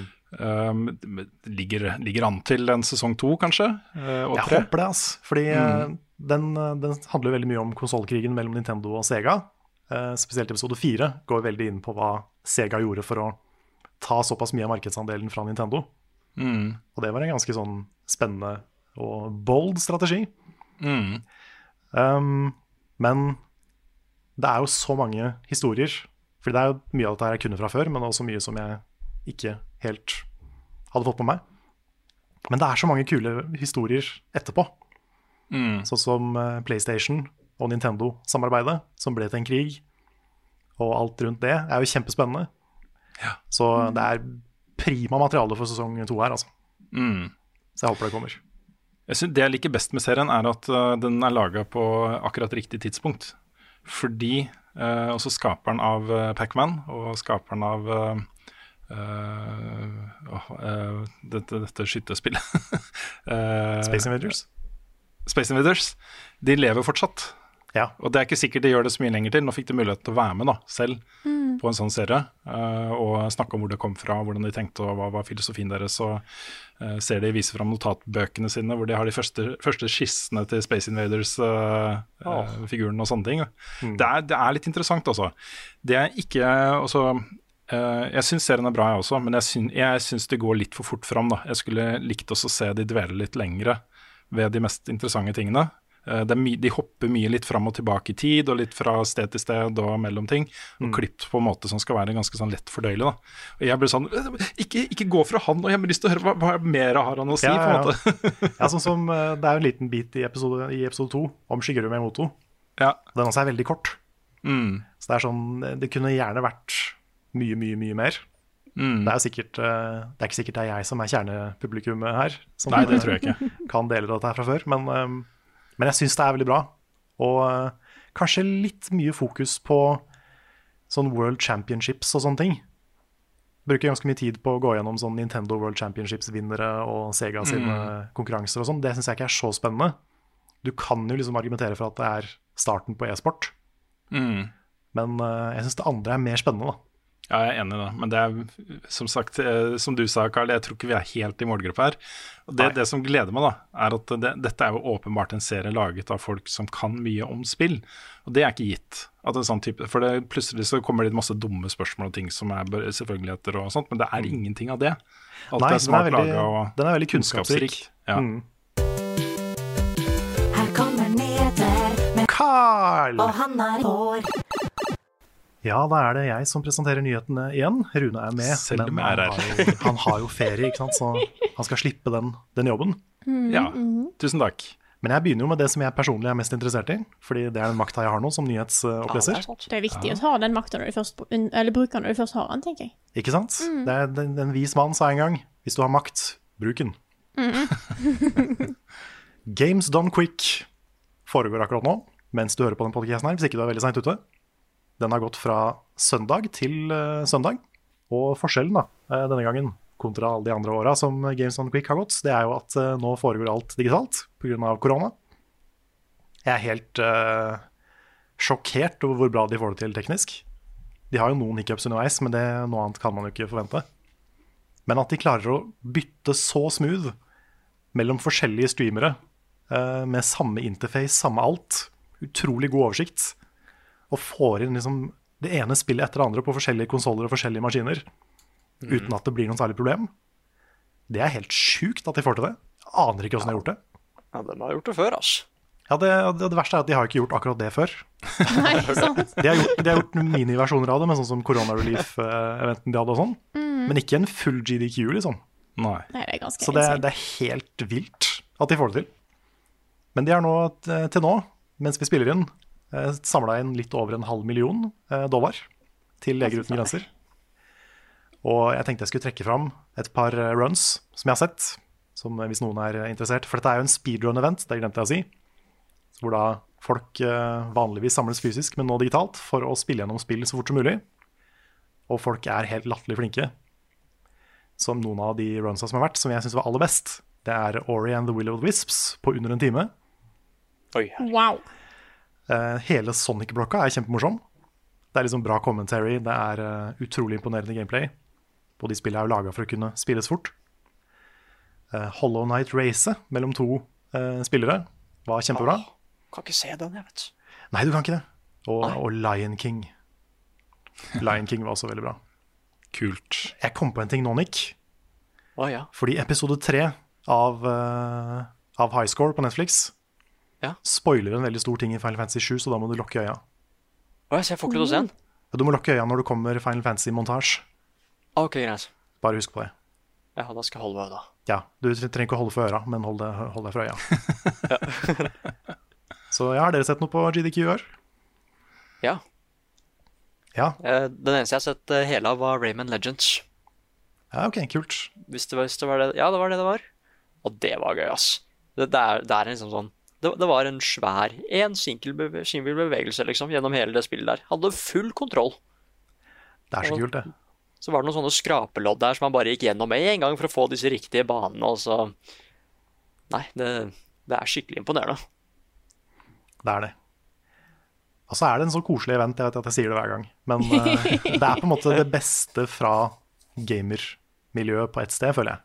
Det er liksom en god sak, det er god stemning. Det, det er bare kos, rett og slett. Så en, en veldig god event som jeg anbefaler alle å se på. Hvis du er, hvis du er bitte litt interessert i speedrunning, så sjekk det ut. Jeg er på Twitch. Finn de Det Jeg er på Twitch. Twitch.tv slash games done quick. Og så kan vi gå videre til et spill som eh, det bare plutselig ble sluppet en veldig lang gameplay-demo på 13 minutter fra. Et spill som heter Black Myth Wukong. Ja. Hva er det her for noe? Oh my god. Det altså, um, dette her havner jo bare på Twitter-feeden min i, i dag, uh, hvor uh, sånn litt fra ingensteds. Um, og så var det interessant nok da, til at jeg klikka på den linken, selv om jeg så at det var 13 minutter. Var sånn, ja, ja, Få se hva dette er for noe. Og så ble jeg sittende sånn fjetra til skjermen.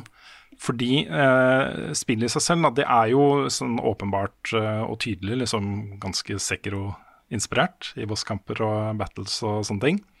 Eh, men samtidig så, så er jo dette en eh, Historien her er jo eh, Journey to the West-historien.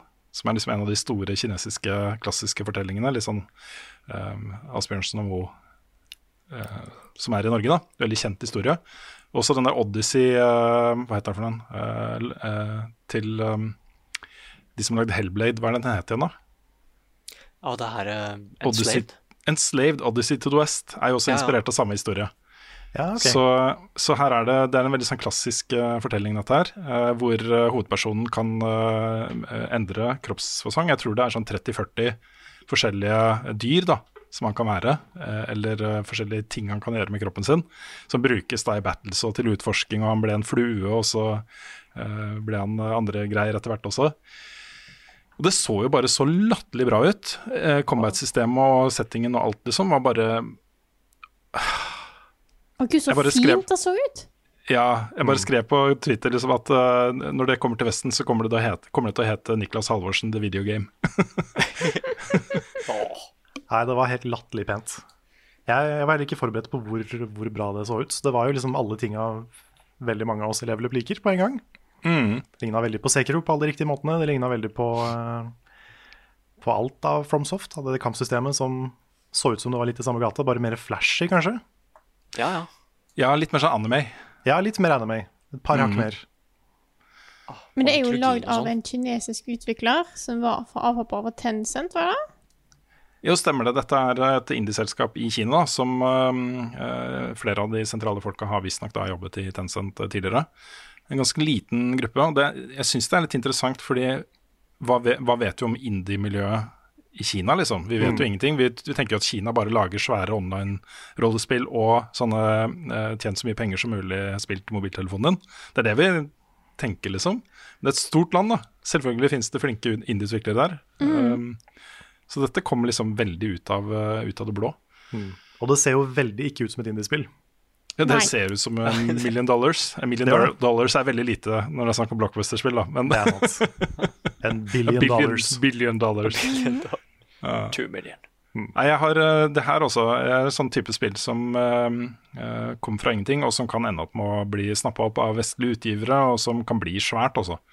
Fordi um, uh, Og grunnen til at jeg kan si det, er at dette var en ikke en 13 minutter, for de hadde en sånn montasje på slutten, hvor du fikk se mye mer fra spillet, av masse forskjellige områder og sånne ting. Men si 12, da. 12 minutter med gameplay, hvor du uh, ikke Det var ikke klippa i uh, mer enn sånn mellom sekvenser. Så du fikk, fikk et godt inntrykk av hvordan gameplayet ville være, da.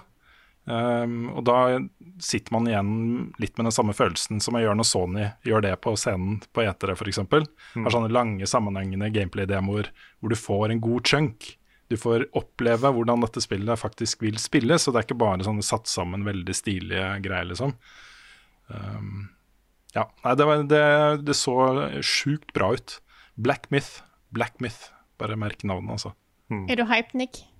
Ja, jeg ble skikkelig hyped. Og det er en sånn derre De snakka litt om det, at det er det en sånn forvridd versjon av av, denne kjente historien her, eller er det noe som skjer etterpå? Er det liksom noe som skjer samtidig, av hvem du styrer og sånn? Det er et spesielt våpen som dukker opp der, som jeg bare Å, jeg, jeg veit hva det våpenet er, jeg. Ja, altså. Ja, for du kjenner historien godt fra før, eh, skjønte jeg? ja, og det er eh, Kan jeg spåre en liten ting i den Mhm. traileren? For man tror jo at man spiller som Sun Wukong, liksom. Fordi det er jo en monkey, monkey warrior her. Men, men så dukker det opp på slutten, for det Ja, er staven hans. Jepp. Ja, Så bare hvem er det du er? Er du sønnen? Er du, er du sånn, Wukong? Nei, så jeg bare Jeg, jeg syns gameplay så så kult ut. Den staven hans kunne bli lengre, du kunne sette det inn i komboer. Det var mer hack and slash da, til Sekiro, liksom. Mm, du kunne bruke den til sånn stavhopp. Bare sprette høyt opp i lufta og komme liksom skikkelig skikkelig på høyden. Sånn Ja, ja. DuckTales. Ja. Ja, egentlig. Og så var det flere sånne sekvenser hvor det dukka opp mange folk samtidig som du skulle slåss mot. da. Mm. Nei, jeg, jeg, jeg, ble med en gang sånn kjempegira. Dette var enkelt noen som kunne dukke opp på en pressekonferanse eller noe sånt. Ja, jeg hadde noen, noen sagt til meg at dette var Sucker Punch sitt øh, øh, japanske øh, øh, spill, liksom. Så hadde jeg trodd på det, jeg også. Mm. Hadde Det, det. er, det kunne vært Jeff Keeley sin Just One More Thing. Ja, det kunne vært det. Og så syns jeg bosskampene der var sjukt kule. Og den ene bosskampen jeg fikk se, så jo veldig ut som Headless Monkey. Med utrolig fin pels på det monsteret. Ja, det var det, også. Jeg kom ikke over hvor pen den pelsen var. Mm. Men det jeg likte med den bosskampen, var at, øh, at du fikk jo en del juling. Han fikk øh, en del juling i starten. Hadde lite helse igjen. Og jeg, bossen hadde mye helse. Og jeg var sånn det, det kan jo ikke gå bra, den bosskampen her. Han er jo nesten der. Dette er liksom forsøk én av 300, sånn som man kjenner fra en del sånne spill. Og så tar bare den kampen så sjukt av. Han sender jo ut pelsen til dyret, og de- blir jo da krigere som slåss mot den greia. Og så får han flamme på den staven sin. Og det monsteret er jo da redd for flammer, så da blir jo plutselig så er du rovdyret ikke sant, i den fighten. Det var herlig, altså. Det var ordentlig, ordentlig kul eh, Yeah. Åh, Hype. Yes! Ja, rett og slett hype. Yeah. Vi får gå litt videre. Ghost of Tsushima får gratis multiplayer i år. Ja, det, herregud. Hvor kom, hvor det, kom det fra? ja, fy fader. Jeg leste den saken på PlayStation Blogg. Det er der de ofte slipper disse nyhetene. Hvor sånn leste åh, det ser fett ut, og du er liksom supernatural og teame opp med tre andre og inn på horde mode og sånt. Og så til slutt, da, helt til slutten bare Og forresten så får du også et eget raid. bare what?! Et samurai-raid, altså. Jeg hadde, Hvis dere hadde spurt meg ja, hva spill eh, er det som, er fra i år som kom til å få raid Jeg Ja. hadde aldri, aldri gjetta uh, Ghost of Tsushima. Tenk at de klarte å holde dette her hemmelig. At ikke de har snakka om det i det hele tatt, og så bare slippe det som en sånn her Ja, kommer det i oktober, ikke sant? Ja, så er det gratis. Goddammit, altså. Gratis! Wow. Det er ikke et spill jeg hadde sett for meg hadde hatt multiplayer i det hele tatt. Nei. Så veldig, veldig kult. Ja, det har tydeligvis eh, Sucker Punch eh, sett for seg, så det er jeg glad for. Oh yeah. Og så til eh, en litt mer lystig sak som ingen kommer til å bli sinte for eh, i hele verden. Oculus-plattformen vil snart kreve Facebook-konto. Ja, så Fra når Facebook oktober. eier dette her, så ja. Ja, fra oktober så må du logge på Oculus-plattformen med Facebook. Eh, hvis du allerede har et headset og en Oculus-konto, så vil du måtte koble sammen de kontoene i løpet av de neste to åra for å beholde full funksjonalitet, kaller de det. For å beholde full funksjonalitet. Så det vil da det si at noen spill og features vil kunne slutte å funke eh, hvis ikke du gjør det. Det var hyggelig å se at dette ikke backfira i det hele tatt på sosiale medier. At alle var happy med dette. Liksom, og Ja, alle at er dette var jo- kjempeglad i Facebook, ikke sant? Ja. og holder seg inn til Facebook med privacy og diverse. Ja, det, det her var eh, ikke overraskende, men, eh, men eh, jeg vet ikke hvor lurt, lurt det var av dem. Nei. Det Det er et er- ganske sånn brutalt grep. Ja, det er det. ja. Og jeg merker jo hver gang jeg kommer på en nettside, så står det sånn du Logg inn med Facebook, og sier nei, nei, nei, nei, nei, nei, nei, nei, nei, nei. Lag bruker. Det er sånn, det er Ja. Åh. Ja, Det har jeg ikke gjort med en eneste konto. Jeg har aldri logga inn noe annet sted med min Facebook-konto, selv om jeg har hatt muligheten til det sikkert 100 ganger. Mm. Ikke jeg heller, bortsett fra Tinder. ok. Back in the day. Det, Tinder måtte jeg gjøre det. Ok.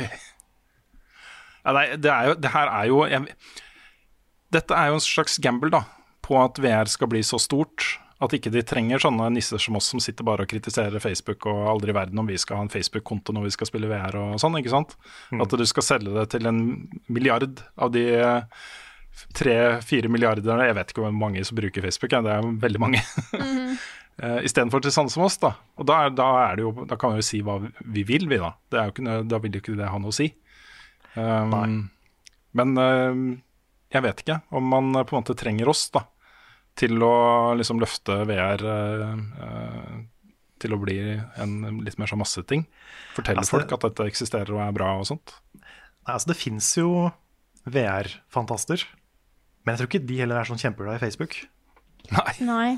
Så um, jeg vet ikke. Jeg vet ikke hva som skal til for å gjøre VR mer mainstream, men jeg tror ikke nødvendigvis Facebook-kontoer er the way. Nei, jeg tror ikke jeg heller, altså. Å ja, nå er det så greit. For jeg fikk skaffet skaffe meg Oculus, for jeg har jo Facebook-konto allerede. Ja, ikke sant? Da, Da tror jeg, jeg tror ingen har sagt det, eller kommet til å si det noen gang. Nei. Men også, vi er jo opptatt av spill, Ja. primært. Spill og virtuelle verdener. Uh, applikasjoner som kan bli megasvære i uh, VR, er jo sånne ting som dating, uh, chatting, uh, reiseliv, um, uh, kjøp og salg av uh, klær osv. Uh, kontakt med familie. Um, alle de tingene som Facebook liksom allerede gjør. da. Og det er på en måte Hvis det skal brukes til det, da, så, så er det på en måte Det er jo Facebook, men da i VR, på en måte. Så kanskje det gir mer, mer, gir mer mening Ja. eh, Ja. med eh, filosofien deres og hvordan de satser, da. Facebook må ha sett et marked her. Det er en grunn til at de måtte skaffe seg Oculus. Så de har nok en plan. Mm. Det er jo mye folk på VR-chat og sånn. Ja, det er det. Aldri testa det sjøl, men uh, har jo sett, sett ting. Jeg eh, benytter anledningen eh, til å si at jeg må takke for meg. Nå Ja. kommer eh, kone og barn hjem, de har vært og bada, sånn at eh, pappa kunne få lage podkast. Riktig. Så eh, takk for følget, alle sammen. Så fullfører dere selvfølgelig resten av podkasten, men da uten, uten meg. Det gjør vi, vet du. Det var veldig hyggelig, og jeg hadde ingen problemer med å for, forene dette med ferie. Så det var bare kos. Nei, så bra. Så Så må, du ha masse, så må du ha god ferie videre, Rune. Tusen takk. tusen takk Jeg skal spille Spiritfarer og kose meg. Nice. Ha det bra. Ha det bra. Ha det. Men da fortsetter vi bare. Keep on trucking. For jeg har satt opp én, eller teknisk sett to nyhetssaker til. Oi, oi. Okay. Og den første er da at Nintendo hadde jo en Indie World Direct på tirsdag. Der de viste fram bl.a. Spirit Fair, som kom ut samme dagen. Eh, også samme dagen kom Raji and Ancient Epic, som er sånn eh, et eh, indiespill basert på hinduistisk mytologi, som så veldig kult ut. Det er ute nå. Eh, A Short Hike har kommet på Switch. Det er også Manifold Garden og Evergate. Da tre, eh, de to første er ports av IOS og Steam-spill. Spiller Short Hike, folkens. Altså, da er jeg dritbra. Ja, for det har jeg veldig lyst til å spille. Ja, det, Det har jeg ikke fått rota meg til ennå. Og ikke minst så kommer begge Subnautica-spillene til Switch i 2021. Og da kan du bli skremt på den konsollen òg. Hei! Det kan du. Det så litt uh, underwhelming ut sånn grafisk, syns jeg. Men uh, det kommer. Og den siste tingen som ble kunngjort på denne directen, var at Untitled Goose Game får multiplayer. Nei, det spillet også, Det multiplayer. høres Ja. altså så festlig ut. Ja, så det er da to, det er toplayer coop, hvor du kan eh, torturere disse menneskene som to yes. Wow. Yes! Yes. Pun intended. Pun intended. Og det kommer da også til Switch i 2021. Jeg, da å spille da to player høres kjempegøy ut. Da Det er, det. en bra, da er en bra liksom, ting å spille sammen, tror jeg. Vent, da, jeg sa feil. Det er ikke sikkert det er 2021. Det er, eh, de har ikke sagt noe om når det kommer til Switch. Men uh, multiplayer-updaten kommer 23.9., Ja, okay. så det er ikke bare Switch som får den. Uh, hva kommer egentlig nå? Jeg har ikke peiling. Hva kommer nå? Wildcard-spalten er en fantastisk ting, spesielt når en har Carl som kommer på de mest fantastiske ideer til hva vi kan gjøre. Hva har du har funnet for denne gangen her, Carl? Det var veldig store ord. Ja, Nå, nå føler jeg litt sånn eh, Kanskje ikke jeg klarer å leve opp til det du sa nå, men vi prøver. Du har, du har så mye kreative ting. Det da, eh, har Ja, jeg takk sans for det. Yes. Takk for det. Uh, ideen denne gangen, da, er jo For vi er jo tre stykker nå som er veldig glad i JRPGs. Ja. da japanske rollespill. Uh, også ganske glad i mange av karakterene som dukker opp i disse spilla. Så det jeg tenkte nå, var at vi har forberedt oss eh, alle tre. Skal nå presentere to uh, typiske JRPG characters hver. Og til slutt så skal vi stemme. Vi har da um, Vi har tre poeng som vi kan gi til disse karakterene. Det er ikke lov å stemme på sine egne, Okay. men da de tre karakterene som får flest poeng, blir en del av vårt JRPG-party. Ja. Så vi skal lage det ultimate JRPG-party, rett og slett. Og velge da tre av seks av disse figurene som vi skal presentere nå. Så hvem har lyst til å begynne? Frida, Jeg vil du begynne? Jeg kan begynne. Ja, ja, OK, kjør Jeg på. har, eh, jeg har eh, to karakterer her. Ja, Okay. Jeg kan begynne med den kvinnelige karakteren jeg har lagd her. Dette er eh, jenta som heter Faith. Det er selvfølgelig i uh, anime uh, JRPG-stil uh, stava F-A-Y-T-H-E. Ja, det, det var det jeg lurte på, vet du. dette er så, ja. det er så bra. Dette er akkurat det jeg ville ha, Frida. Så dette er da veldig, den veldig søte, eh, snille, typiske liksom koselige jente som kan være med i partyet. Hun har på seg hvite og litt sånn svakt rosa klær. Eh, alltid klar med liksom et smil og ser det positive i alle. Eh, hun er da en, selvfølgelig en magic-user. Eh, men hun bruker kun dark magic, og sømmene kun fæle og groteske demon-creatures som slåss for henne. Men hun er veldig glad i det. Ja. Uansett hvor fæle de ser ut, og på en måte det detter av liksom lemmer eller sånne ting, så er hun veldig glad i disse her, og har gitt dem veldig søte kallenavn. Eh, og resten av familien hennes er jo da selvfølgelig eh, litt Alle er kledd i svart, eh, men de er veldig støttende mot henne her, da, for hun er så Hun er så hyggelig. Ok. Har du en mysterious past? Uh, nei, egentlig ikke. Det er bare det at hun har Ok. eh, det er, de, de vet ikke helt hvorfor hun endte opp med å bli så annerledes enn resten av familien. Uh, det kan være et eller annet om at mora spiste noen rosa blomster som fantes i bakhagen mens hun var gravid. Så de tror kanskje det er det, da. Har blitt pretty filled with the incense, liksom. Yes. Ja. Mm, skjønner. Skjønner. Og så har vi karakter nummer to. Mm, Og jeg vil ta begge to med en gang. Å ja, ja, nei, du kan det. Skal, vi, gjøre- skal jeg gjøre det? Gjør det. Dette er Ryan. R-H-Y-N-E. Mhm. Dette er den sterke tank-karakteren. Bøff greier, sant? Men er det alltid for gjengen når de trenger, når de trenger litt støtte? Er den som på en måte holder gruppa samla. Eh, men han snakker sjelden om hva han har opplevd tidligere. Det er tydeligvis et veldig sårt tema foran dette her. Eh, og det virker som at han har mista familien på et eller annet tidspunkt, men han har ikke lyst til å snakke om hvorfor. Det er derfor han er så opptatt av å liksom beholde på den på teamet han nå er med i, eh, og se på deg som familien hans. Han er òg en bjørn, og det blir aldri snakka om. Nei. Mm. Ok. Så han er en snakkende bjørn. Det er ingen andre snakkende bjørner i dette universet. Det er bare at han er en bjørn.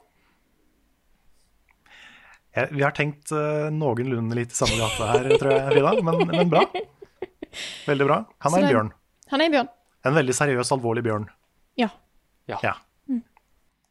Så da var mine to. Hvem Ja. har lyst til å ta over? Vil, vil du ta over, Nick? Jeg kan ta over. Mm. Uh, skal vi se her. Jeg må bare finne fram uh, Word-dokumentet mitt, tenk. Spreadsheeten med stats og sånn? Nei, så dypt ble det ikke. Nei. Jeg prøvde å finne ut liksom bare hvilken setting er dette denne JRPG-gruppa vår er i. Hva er det de skal gjøre, egentlig? Skal vi redde verden, liksom? Er det det som det, er? det fine med JRPGs er at de kan ha en kombinasjon av alle settinger samtidig. Ja, ja, ja. Okay. Det, kan, det kan være sci-fi med sverd, det gjør ingenting. Nei, nei. Nice, nice. Nei, fordi da har vi den første karakteren. Og han, han heter Snip the Sniper, heter han. Oi, oi. Oh. Snip the Sniper. Eh, Snipp han er en eh, snill og ydmyk kar eh, som kommer fra en landsby langt oppe i fjellet. Eh, og den landsbyen er kjent for sine berømte slingshot snipers. De bruker slingshots eh, fordi siden landsbyen befinner seg så høyt oppe i fjellet, ikke sant? det eneste de kan spise der, er det som flyr der oppe. For det er det eneste som bor der oppe, ikke sant? Fugler og sånn. Og på grunn av disse, ja, for å tilpasse seg disse tøffe omgivelsene og de sterke vindene og sånn, så har disse innbyggere blitt naturlig flinke til å bruke sprettert for å jakte på maten sin og sånn. Eh, Men eh, Snipp, alle som bor der er enige i at Snipp er den beste sniperen. Og han er, han er faktisk, eller best med sprettert. Og han er så god at han har fått tittelen The Greatest Sniper in All the Lands. Så det er liksom Det er ikke rart da, at hvis noen trenger å redde verden, eller noe sånt, så spør de han, da, for han er så flink. Liksom. Men problemet er at siden han har vokst opp med å jakte og slåss på lang avstand, så er Snipp en superpyse. Ah, En skikkelig pyse. Um, og det er sånn, selv om han, han, er, selv om han liksom er at han er en gud med slingshoten, ikke sant? og han har skikkelig god selvtillit på lang avstand, så er han helt ubrukelig når det kommer til nærkamp. Ja. Uh, og det har også gitt han en veldig, veldig stor, altså tidenes største, intimsone. Han, han merker at er du liksom sånn ti meter i nærheten av han, så merker han det, da. Okay. Det er en blessing and a curse, så han har full kontroll på det som skjer rundt, rundt seg og sånn. Uh, og Ja, han så- er Så hvis spillet har romance, så kan du bare ha et long distance relationship med han. Ja, i hvert fall, på starten. Det er ganske Ja. vanskelig romance Snipp. Mm. Uh, og Snipp er hyggelig å liksom snakke med lagkameratene sine, og sånn, men han gjør det på avstand. Ja. Han, han hjelper fra lang avstand, liksom. Det er det Snipp gjør. Roper han, eller har han en walkietalkie av noe slag? Nei, fordi han, han snakker egentlig ganske rolig, men han må rope litt òg, så de andre hører det. Nei, så Meningen er at du skal bli godt nok kjent med han, at han kan gi folka en klem eller et eller annet sånt. Han ja, så det er story-arken hans. Ja, det er story-arken hans. Mm.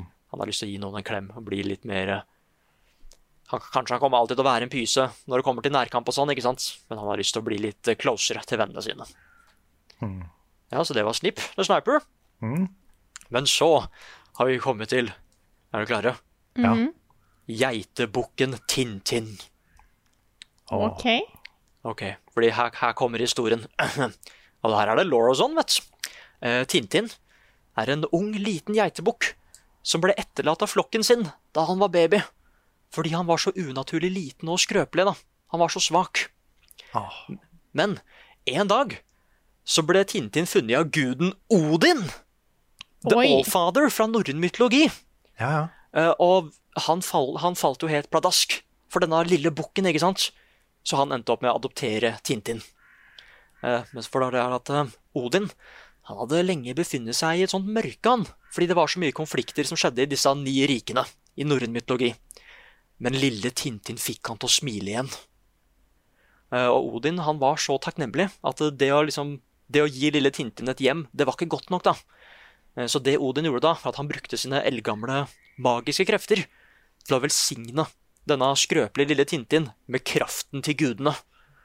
Eh, Noe som da ga Tintin en enorm styrke og en nærmest usårbar liten kropp. Så han, han fiksa skrøpeligheten hans, ikke sant? Ville at Tintin skulle ha det bra.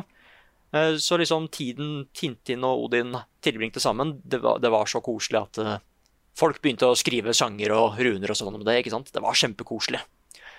Men så skjedde Ragnarok, dere! Fullt, det var fullt kaos. Det, det var fullstendig kaos, og alle de ni rikene var i ferd med å gå under. ikke sant? Så for å beskytte Tintin da, fra liksom det som var i ferd med å skje, så brukte Odin nok en gang sine magiske krefter og sendte lille Tintin til en annen verden. Som da er denne JRPG-verdenen her, ikke sant? Ikke norrøn Ok. mytologi, en helt annen verden. Så det er ingen av The Nine Realms. Nei, det er en helt annen verden. Fordi okay. The Nine Realms de gikk jo under i Ragnarok, ikke sant? Det var jo Ja, ferdig med å skje, så han måtte Ja, så sende det, han det til er et The helt annet sted. World, det. Ja, han måtte sende til et helt annet sted, som da okay. viser seg å være den verden som denne JRPG-en tar sted i. da. Ha. Og målet til Tintin da, det er å finne en måte å reise tilbake til der han kom fra, og redde pappaen sin. Og han er da Han er da så klart tanken for laget. For han er ikke glad i vold, men han har lyst til å beskytte vennene sine, lille Tintin. Ja. Men er han, er han fortsatt lille Tintin? Er det en liten geitekilling, liksom? Ja. Åh, Og det er er, søte. dyr, det er et dyr, liksom. Ja. Han har ikke noe dialog, det er lille Tintin. De er så fine når de logrer, de små geitebukkene. Ja, bare at dette det er en skikkelig, skikkelig sterk geitebukk som hjelper vennene sine med å beskytte, beskytte dem mot damage og sånn, så det er tanken. Ja. Men er han, han, er han så liten at han ikke har horn ennå, eller har han horn? Han har så fått sånne Han har så vidt begynt å få horn. Okay. Sånne små, liksom. ja. Åh. Du, du scorer poeng på cuteness her, Nick. Så det okay. var det. Jeg innser nå at hvis vi har tre poeng hver, så kommer vi til poeng til alle bortsett fra én, så kanskje vi skal ha to poeng hver. To poeng for sport. Ja. Ok. Ok, da presenterer jeg mine. Første er Pin Pin Wimbledon. Ja. Og han er da den siste som er igjen av en rase med rytmekrigere. Oi. Eh, han kan forvirre fiender med stilige dansemoves. Han kan gjøre critical hits når de er distrahert. Så er det en sånn confusion mechanic, ikke sant? Ja, Så ja, han får critical hit hver gang fienden er confused. Uh, han kan ikke heales med vanlige items, men du må bruke miracle fish, som du kan få eh, via et fiskeminigame. Um, han er en liten rund pingvin, og hovedpersonen er den eneste som kan forstå hva Pinpin -Pin sier. Og de andre, og, de andre og spilleren, da, personen som spiller spillet, hører bare mi, mi, mi, mi, mi, mi, mi. Ja, ja. Så det er på en måte men, men hovedpersonen svarer da, som om eh, Ja, den ja, ja, forstår ja. hva Ikke sant? ja Chewbacca. Så, så, ja. Sånn som Chewbacca, ja. Ja, ja, ja. Nettopp. Um, og han liker ting som skinner. Han tar tak i shiny ting og ruller rundt på bakken når han får tak i dem. Uh, og da er han veldig søt, da. Uh, men han får også statbuffs i en halvtime etter at han har tatt på noe shiny. Okay. Såpass, ja. Så det er da en rytmekrigerpingvin som heter Pin-Pin. Ja. Ping-ping eller pin-pin? Pin-Pin. Så det er nesten Tintin. Ok. Så det er eh, karakter nummer én. Og karakter nummer to er Trinity Engine. OK. Og dette er da en mørk og mystisk battle mage. Han har da både magi og litt, eh, litt sverd, da. Han er moralsk grå, mer brutal enn de andre på laget. Men uh, man skjønner etter hvert da, at det kommer av en sånn dyp sorg. Han har en mørk fortid, han her. Ja. Han kan, uh, han kan splitte seg opp i tre personer, fordi han som ungdom ble sendt fem minutter tilbake i tid to ganger. Nei. OK. Så han har på en måte merga med seg sjøl, men kan, han kan også splitte seg opp igjen. ikke sant? Ja, ja. Så han har da tre utgaver av seg sjøl. De to andre er liksom fra fem og ti minutter tilbake i tid. Um, han har en signaturmove med flammehender. Og de, det morsomme da, det er at de tre kopiene av han har forskjellig farge på flammene. Det er rød, blå og grønn. Ja, ja.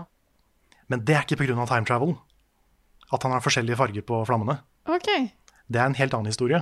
Men du får ikke vite hva den historien er før i det tredje spillet. Ah, shit, såpass, ja. Mm. Ja, Ja, ja. Så det er mye law rundt han her. Eh, og så ligner han veldig på Svendsen. Ok. Så det er, eh, det er Trinity Engine. Han har da den, den mørke fortiden som alle tre har, fordi de er fra egentlig samme tid.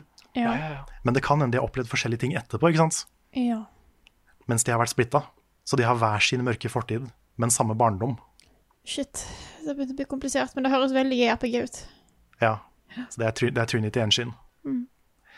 Så da, det var seks characters. Kan, jeg- kan jeg si jeg, Fordi at jeg eh, Oppgave så noen korte setninger, Så jeg holdt det kort. Men kan jeg få komme med litt ekstra info om, om Faith? Ja, det kan du. Ja, ja, Det ja. kan du. Fordi at hun hører jo til den mørke familien sant? Som, eh, som driver med sånn skikkelig dark magic. Og den familien her er egentlig ganske sett ned på i hele universet her. For de holder på med litt sånne der, eh, ting som du egentlig ikke skal ta borti. sant?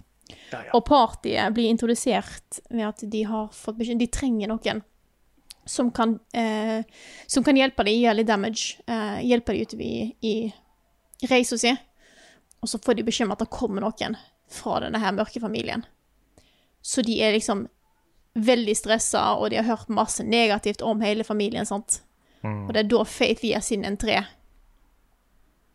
Ikke sant. Og bare liksom bare komme inn lysende med liksom et par blomster i hendene og gir det til hovedkarakteren, og så får du en hel sånn plutselig vri, sånn comic-scene, da, sånn som du ofte får i sånne JRPG. Mm. Så jeg vil bare få fram den. Ok, Da er jeg fornøyd. skjønner. Ja, ja, ja. Ja. Ok, men da har vi, vi har seks characters, okay. og det er tre som skal med i partyet. Shit. Tre av karakterene våre er jo dyr, Ja, og det var ikke planlagt. Nei? tenker Men likt, eh, hvem har lyst til å argumentere først for, for de to de velger? Ja, fordi åssen var disse poenggreiene her nå? Vi har to Jeg poeng. tenker Vi har to poeng å gi ut. Ja. Vi kan bare gi det til eh, hverandres characters. Ok. Så jeg kan begynne, jeg. Ja. Ja. For jeg har lyst til å gi ett poeng til Faith. Og det er fordi jeg tror at Faith kunne vært en veldig bra hovedperson. Ja. Litt sånn, litt sånn uortodoks, for det er veldig ofte en eh, spiky-haired dude eller noe sånt. Men, men Faith har nok backstory og en nok liksom spennende um, historie rundt seg. da. Så at jeg tror hun faktisk kan bære hele spillet. Shit, såpass, ja. Jeg tror hun kan være en hovedperson. Have faith in faith. Ja, Åh. I have faith in faith. Og jeg likte spesielt godt måten du staver navnet. Ja. Det er det som også gjør at hun fortjener å være en hovedperson. Ja. For da kan spillet kanskje kan hete et eller annet med Faith òg, ikke sant? Sånn uh, Faith of North Letaria, Ah, faith of faith. ja, det har du, da. eller noe sånt. Mm, for du kan, du kan spille veldig mye på den, i hvert fall ved tittelen. Mm, Ja, ja, ja. nettopp. Um, pluss at det da Det at det er en sånn en veldig sånn uh, håpefull, kanskje litt sånn cute, rosa dame, det tiltrekker seg jo et veldig stort publikum også, Ja, helt sant. når vi skal selge det spillet her. Ja, selvfølgelig skal vi selge det. Vi skal selge dritten ut av det og tjene 10 milliarder dollar. Ja. Vi kan klare det. I hvert fall ni, men helst ti. Ja. Ja. Så ett poeng til Faith. Og jeg klarer ikke å si nei til søte små geitebukker. Så mitt andre poeng går rett og slett til den geitebukken. Altså. Ja. Den var litt for søt, og i tillegg når du får liksom Odin og en sånn badass historie og en tank, Ja. Så eh, det blir Faith og jeg til boken, Altså. ja. Tintin. Tintin. Faith og Tintin. Faith og Tintin. Skal jeg fortsette? Eller vil du fortsette, Nick?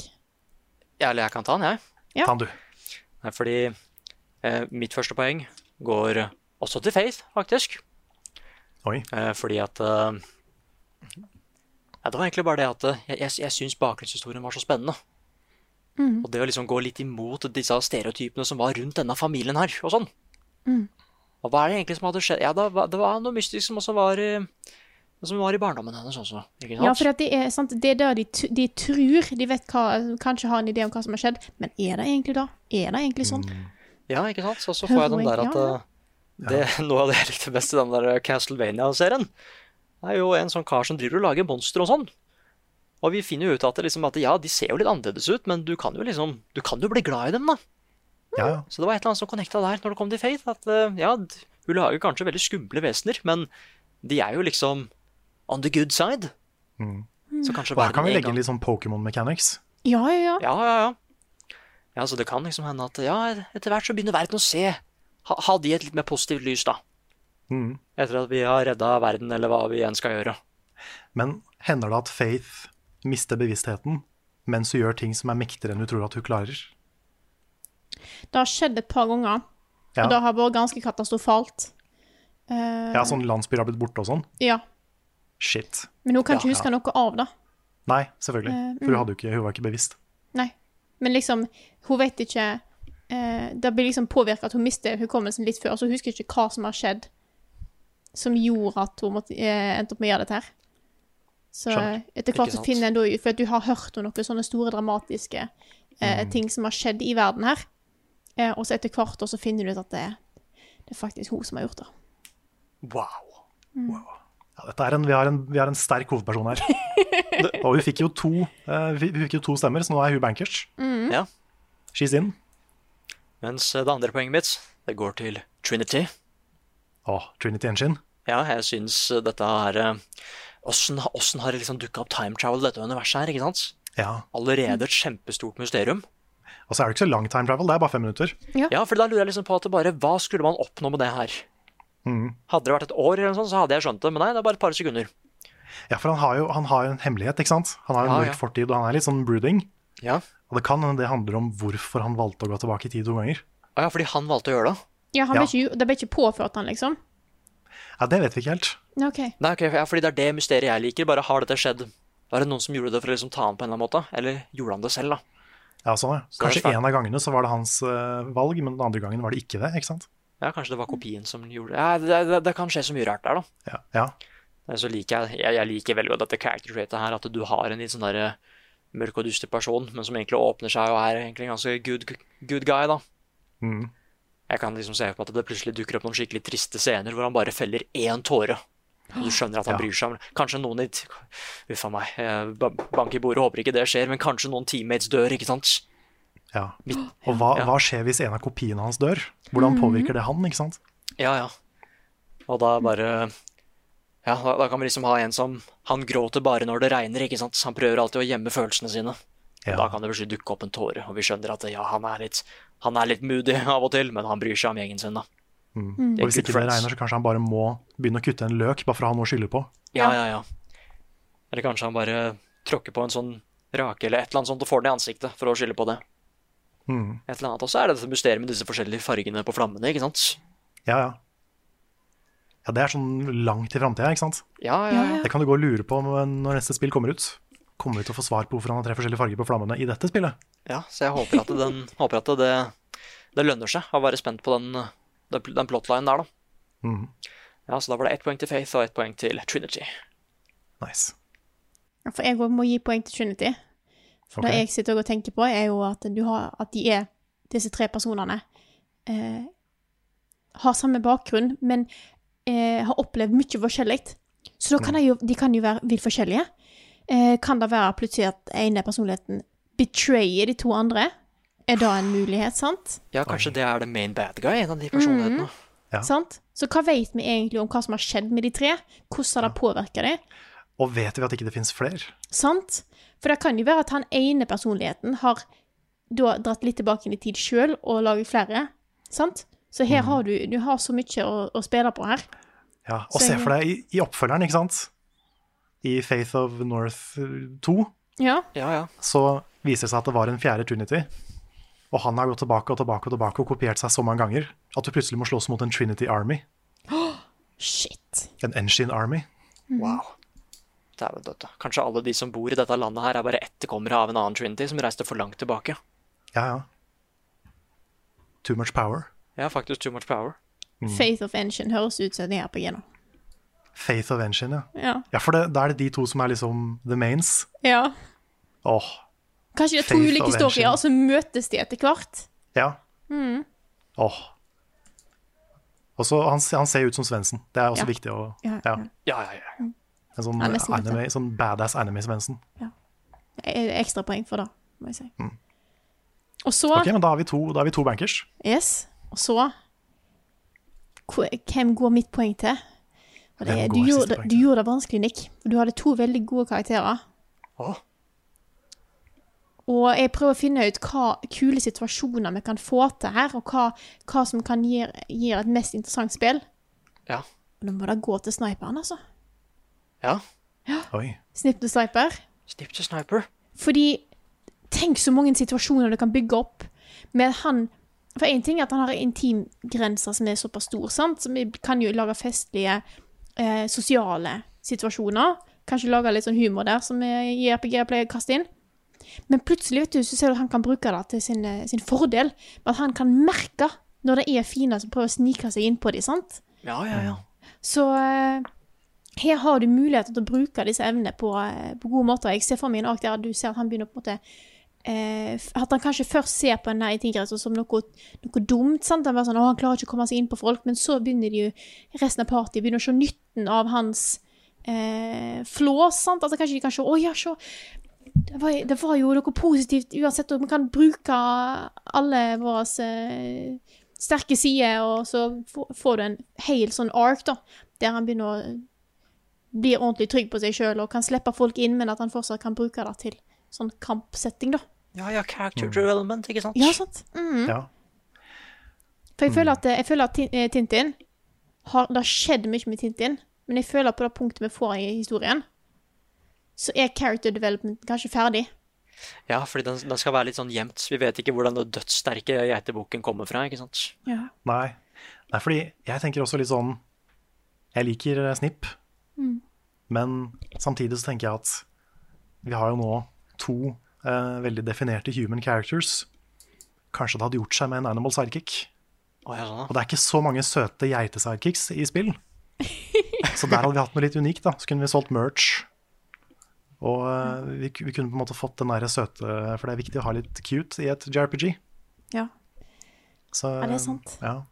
Men da er det Da skal, skal Nick få lov å bestemme, da, Da kanskje. skal du få lov til å velge, Nick. Å, Ja. nei! Da kan du velge mellom da team, eh, team geitekilling eller team eh, sniper.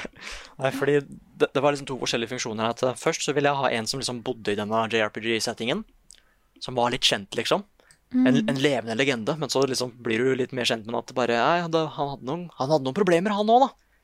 Legendene er ikke perfekte. De er jo bare vanlige mennesker, de også. ikke sant? Så, hadde, så skulle han, han hatt en sånn fin character arc. Kanskje det skulle skjedd en ting i historien ikke sant? hvor Jeg holdt på å si Alle sammen detter, og de henger på en klippekant. Bortsett fra Ja. Snipp til sniper. Og da må han trosse frykten og dra opp alle sammen. Eller kanskje det kommer en boss som har kvelertak på alle sammen. Og Snipp er den eneste som kan stanse det. Ikke sant? For Snipp er alltid unna kaoset, ikke sant? Prøver i hvert fall. Men, men så har vi Tintin, og du skulle, man skal liksom ikke helt vite bakgrunnshistorien til Tintin med en gang. Jeg sa jo den til dere, fordi dere må jo liksom vite hva karakteren dreier seg om, ikke sant? Ja, sånn, ja. Mm. Ja. Det, kanskje det eksempel starter med at uh, ja, Trinity tester noe crazy magi eller et eller annet. Og de ser at eh, all denne magien er i ferd med å treffe denne lille geiten, og alle er kjempelei seg fordi det kommer en svær eksplosjon, og geiten dør, men så bare går lille Tintin ut av eksplosjonen helt, eh, helt fin. Ja, og kommer en liten sånn B. Ja, en liten B, bare gå litt. Så følger han etter gjengen fordi han, han har jo ikke lyst til å være aleine. Han lengter jo etter en familie, han òg.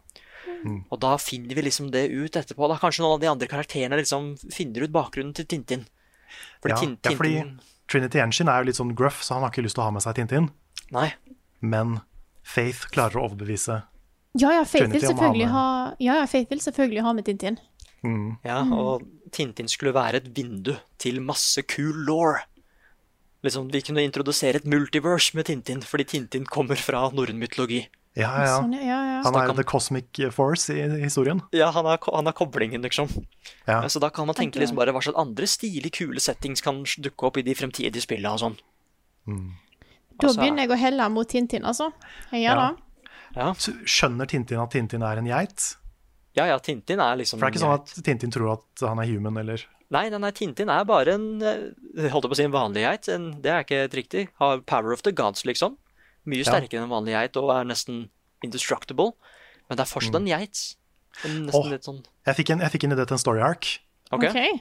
At du kommer til en landsby der hvor det er masse geiter. Og Tintin tenker 'Å, nå har jeg klart å finne mitt folk'. Ja.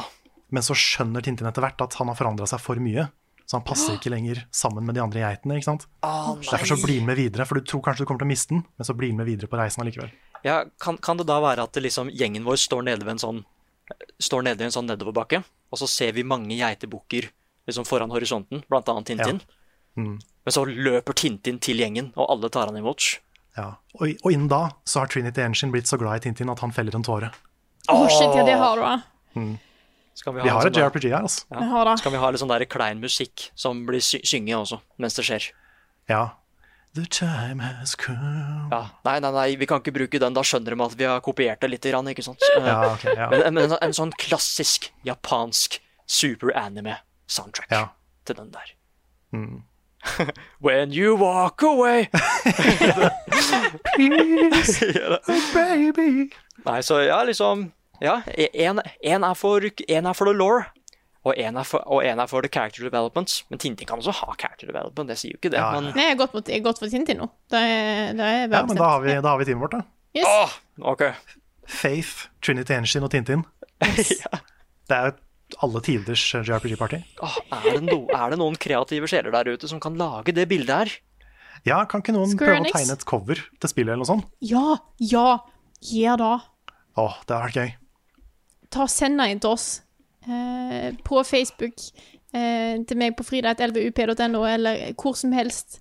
Gi, vær så snill, send oss eh, til enten et cover eller illustrasjoner av, eh, av Faith, Trinity Engine og, og Tintin.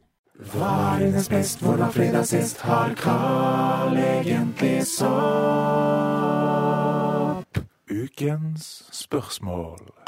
Og vi starter med spørsmålet fra Kevin Aleksandersen, som skriver Du våkner opp i en skog langt ute i ingenmannsland. I bakgrunnen hører du uling og skrik, det er mørkt og tåkete. En flysirene går av i bakgrunnen. Du har våkna opp i verden til Silent Hill. Men du er heldigvis ikke alene. Ved siden av deg våkner hovedkarakteren i det siste spillet dere spilte. Hvor heldig slash uheldig er dere nå? Oh boy. Oi. altså, det kunne vært verre, da. Jeg har jo med meg han uh, Ghost. Oh. Ja, han er jo Det er jo litt av en teammate, Carl. Det er det. Jeg Tror det går ganske fint. Jeg satt nemlig og tenkte på eh, hva jeg spilte, og jeg har jo spilt mye Battletoads i det siste. Ja, Da har du en bøff gjeng med tre Battletoads som kan morfe kroppen sin til å bli andre ting som de slår ting med. Og så de er vant til at ting er vanskelig. Ja, og de var med at ting er vanskelig. Men så kom jeg på at før vi starta podkasten, så spilte jeg Fall Guys i et kvarter, så det er Fall Guy. Ah, Ja, fordi det er har- det problemet, sånn det er det problemet jeg har også. med- Ja, ei bønne med en dinosaurhatt. så vi har gin og to bønner. Ja, min er gul, hvis det hjelper. Ja, ja, det, det Ja. er veldig bra. Ja. Ah, er Super Saiyan Bean. ah, ja, men altså, hvis det hadde vært nest, nest forrige spiller, så hadde det vært Spiderman, liksom. Det hadde vært en reliable teammate. ja. Ja. Spørs om jeg kanskje overlever litt lenger enn dere. Altså. Altså, det, ja, det jeg Men jeg kan jo bare få, få Fall til å bare holde han fast. Ja, Ja, holde fast uh, Pyramid Head og sånn. Pluss at de Men det dør fine er jo at Fall Guys, Fall Guys dør jo ikke. Nei, de er jo, Nei. de, de er jo supre meat shields, liksom. Så jeg tror det er håp for oss, eh, oss to, Nick. Ja, jeg tror vi skal greie det, altså. All right, Yes, Skal vi ta neste spørsmål her? det kan vi gjøre. Et fra David Prokop. Han skriver I denne nostalgitida vi er i nå, så lurer jeg på hva spill har en stor nostalgisk verdi for dere, og har de holdt seg? Mange. Ja, Ja. den er litt vanskelig. Um, Ja, Final Fantasy 9 er kanskje på toppen. Det syns jeg har holdt seg. Det er veldig bra. For meg så er det jo Sonic Adventure 2, og da har jo holdt seg i det at det var jo, det var jo ikke supert da det kom ut heller. Eh, Nei, det, har, det var ganske bra da det kom, da. ja, det var Eller det, men det, det, altså, no, det, fi- det fikk god mottakelse. Ja, ja. Fordi at noen deler av det er jo kjempebra. Men det lider av og til litt av eh, at homing og, og kamera er litt sånn wonky. Men ellers syns jeg det har holdt til veldig bra. Sant? åh, hva er min? Eh, Kanskje Hmm. Jeg hadde øh, Jeg holdt på å si Jeg pleier jo vanligvis å spille Shadow of the Colossus én gang i året. Men det, har jeg ikke fått, det fikk jeg ikke gjort forrige år. God dang it. Så det er, de kunne sagt den. Det er alltid like kult. Men Godhand kanskje er vel den som er mest stabil. For det er alt sånn, jeg husker hvor kult det var, og så jeg går tilbake igjen og spiller på nytt igjen, så er det fortsatt like kult. Nice. Rett og Nice. slett, altså. Jeg må også gi en shout-out til uh, Sega Megadrive Sonic-spilla og Earthbound. Ja, for jeg må gi en shout-out til eh, Truckston, den fantastiske space-shooteren som jeg hadde på Sega Mega Drive, for da spilte jeg i sommer, og det var fortsatt gøy. Han har, Nice. eh, han har eh, et punkt der alt bare blir helt for jæklig, eh, men ellers er det veldig, veldig, veldig bra. Yes. Yeah. Hva er neste spørsmål? Kjør. En av dere. Go. Å, skal, jeg har et spørsmål. Ja. Ok, Det er fra skal vi se her på Patreon, eh, fra Streffen Komperud, som spør er nysgjerrig på å høre om dere har et spill som dere ikke liker, men som alle andre elsker. Eller kanskje motsatt. Et spill dere elsker, men som alle andre hater. Jeg har en softspot for Sonic R, og det er ikke et bra spill. Ja, Jeg har til og med laga drittspillvideo om det, Ja. men, men jeg er litt glad i det. ja, ja. ja. Og hele pakka rundt det, at det er rare klønk i grafikken og musikken og Jeg er litt glad i det. Jeg ser den. Jeg tror ikke jeg har noen motsatte, som er sånn ting jeg hater som andre liker. Altså, jeg, er ikke så, jeg er ikke så veldig glad i å snakke om sånne ting, Fordi da blir jeg jo liksom han som Jeg blir han som bæsjer noe som andre liker. Ja, det er, litt mye, det er litt mye kanskje å si hater, men kanskje noe som du ikke likte. Ja. For min del er det fordi at det er krasj i, i sjanger. Mm. Eh, da at jeg ikke klarer å sette meg inn i eh, RTS-er, for eksempel. Jeg, det er jo mange som liker det, men da syns ikke jeg er like gøy. Ja, ja. Eh, som PK Klikk, men det har jeg snakket om før. Men det er, så det, det blir litt sånne ting. Men ellers jeg kommer jeg ikke på noe spill som jeg på en måte burde likt. Nei. Som alle er glad i, som jeg ikke liker. Hmm. Ja, mens så det jeg liker uh, Jeg holdt på å si det er, ingen, det er så mange som ikke likte Dead Space 3. Fordi det var litt mer action-packed, og du var på en sånn snøplanet og sånn. Og de sier liksom at dette var det spillet som ødela serien, men jeg syns det var dritkult. Vi fikk forskjellige, vi fikk nye enemy tabs og sånn. Eh, Men vi kan ta et som er nytt, da, som jeg likte veldig godt, men som, som fikk litt andre anmeldelser. Det var jo eh, Crackdown 3. Jeg, Ja, stemmer det. jeg digga det spillet. Bare, ja, Åtte av ti, ass. Jeg, jeg likte det skikkelig godt. Og så får jeg høre liksom etterpå at flere har gitt det firere, og liksom, noen har gitt det helt ned til to og sånn. Det er liksom Wow. Ja, der kan du se, ass. Ja, det er en bra en. Uh, Man of Medan er litt sånn for meg. Ja. Jeg likte det bedre enn de fleste. Ah, mens uh, når det kommer til spill som jeg ikke liker, men som alle andre føler jeg at alle liker, så er nok kanskje det Horizon Zero Dawn. Ja, det er, eh, det er så rart. Controversial. Det er helt på å si, fordi det, den, den har liksom alle ingrediensene til et spill som jeg bør like. Open world, det ser kjempepent ut, settingen er veldig spennende, jeg liker karakterene og sånn. Men det, det er helt annet når jeg spilte det. Alt som jeg trodde det spillet skulle være, var feil for meg, liksom. Eller jeg, jeg, jeg, liksom, jeg hadde ideer på hva, hvor historien kunne gå hen. Hva som skulle skje med disse karakterene. Åssen gameplay skulle være. Settingen og sånn. Og jeg bare Ja, de tok alle de feil valga for meg, liksom. Det, det, det er så vanskelig å forklare. Men jeg bare Jeg, jeg likte rett og slett ikke å spille gjennom det. Jeg, var, jeg ville vite åssen det slutta, så jeg spilte til slutt gjennom alt sammen. Historien og sånn. Men, men det traff meg ikke noe. Nei, det er sånn noen ganger. Ja. Av og til har man bare ikke kjemi med et spill. Nei, ikke sant? Så kan jo Jeg ble jo ikke Jeg har fortsatt ikke blitt like fanga av Bloodborne som det dere har. Nei, hva? Eh, En, en dag så står vi på døra di med Bloodborne og bare Nå! ja. Nå skal vi spille! ja. Nei da. Det er lov. Nei. Det er helt lov. Eh, men jeg har liksom Der har jeg prøvd litt, men jeg, det var liksom Det var gøy. Det er ikke sånn at jeg sier at det, det suger, liksom. Jeg bare har ikke fått den samme fascinasjonen for gameplay som det dere har. Ja. Skal jeg ta et eh, spørsmål eh, til her? Kjør på. Okay. Det er fra Tommy André Bertelsen. Eh, Hva ble egentlig resultatet av frieriet i slutten av episode 286? Vi kan svare kjapt på det. Hun sa ja. Åh, Ja. Så det er koselig. Det er koselig. Det var high risk, high reward. Han hadde spørsmål til, men det var til Rune, så det, kan vi, det får vi hoppe over. Okay. Og så har vi spørsmål. Eh, for Budvar Killmester spør hvorfor gir dere spillene deres to karakterer høyere score enn reell score. Eksempelvis at fem av ti er gjennomsnittlig, men hos oss er det sju av ti som er gjennomsnittlig. Og dette er jo en ting som dukker opp i en del anmeldelser, eller an, anmeldere.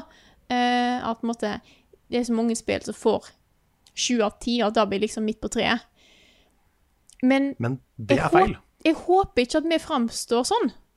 Nei, Fordi jeg, at jeg ikke skjønner sånn ikke jeg helt hvor den kommentaren kommer fra. Jeg skjønner at vi gir mange høye scores, Ja. men det er også fordi vi anmelder de spillene som er der oppe.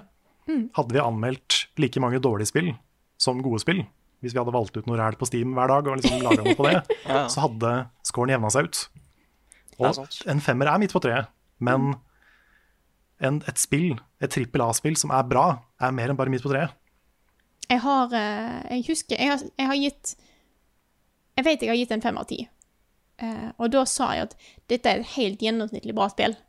Og da tenkte jeg at det, da er det fem av ti. Jeg har gitt under, og da begynner jeg å bli på den dårlige sida. Mm. Eh, så fem av ti er for meg fortsatt måtte, Det er helt OK, men det har ikke nødvendigvis noe spennende over seg.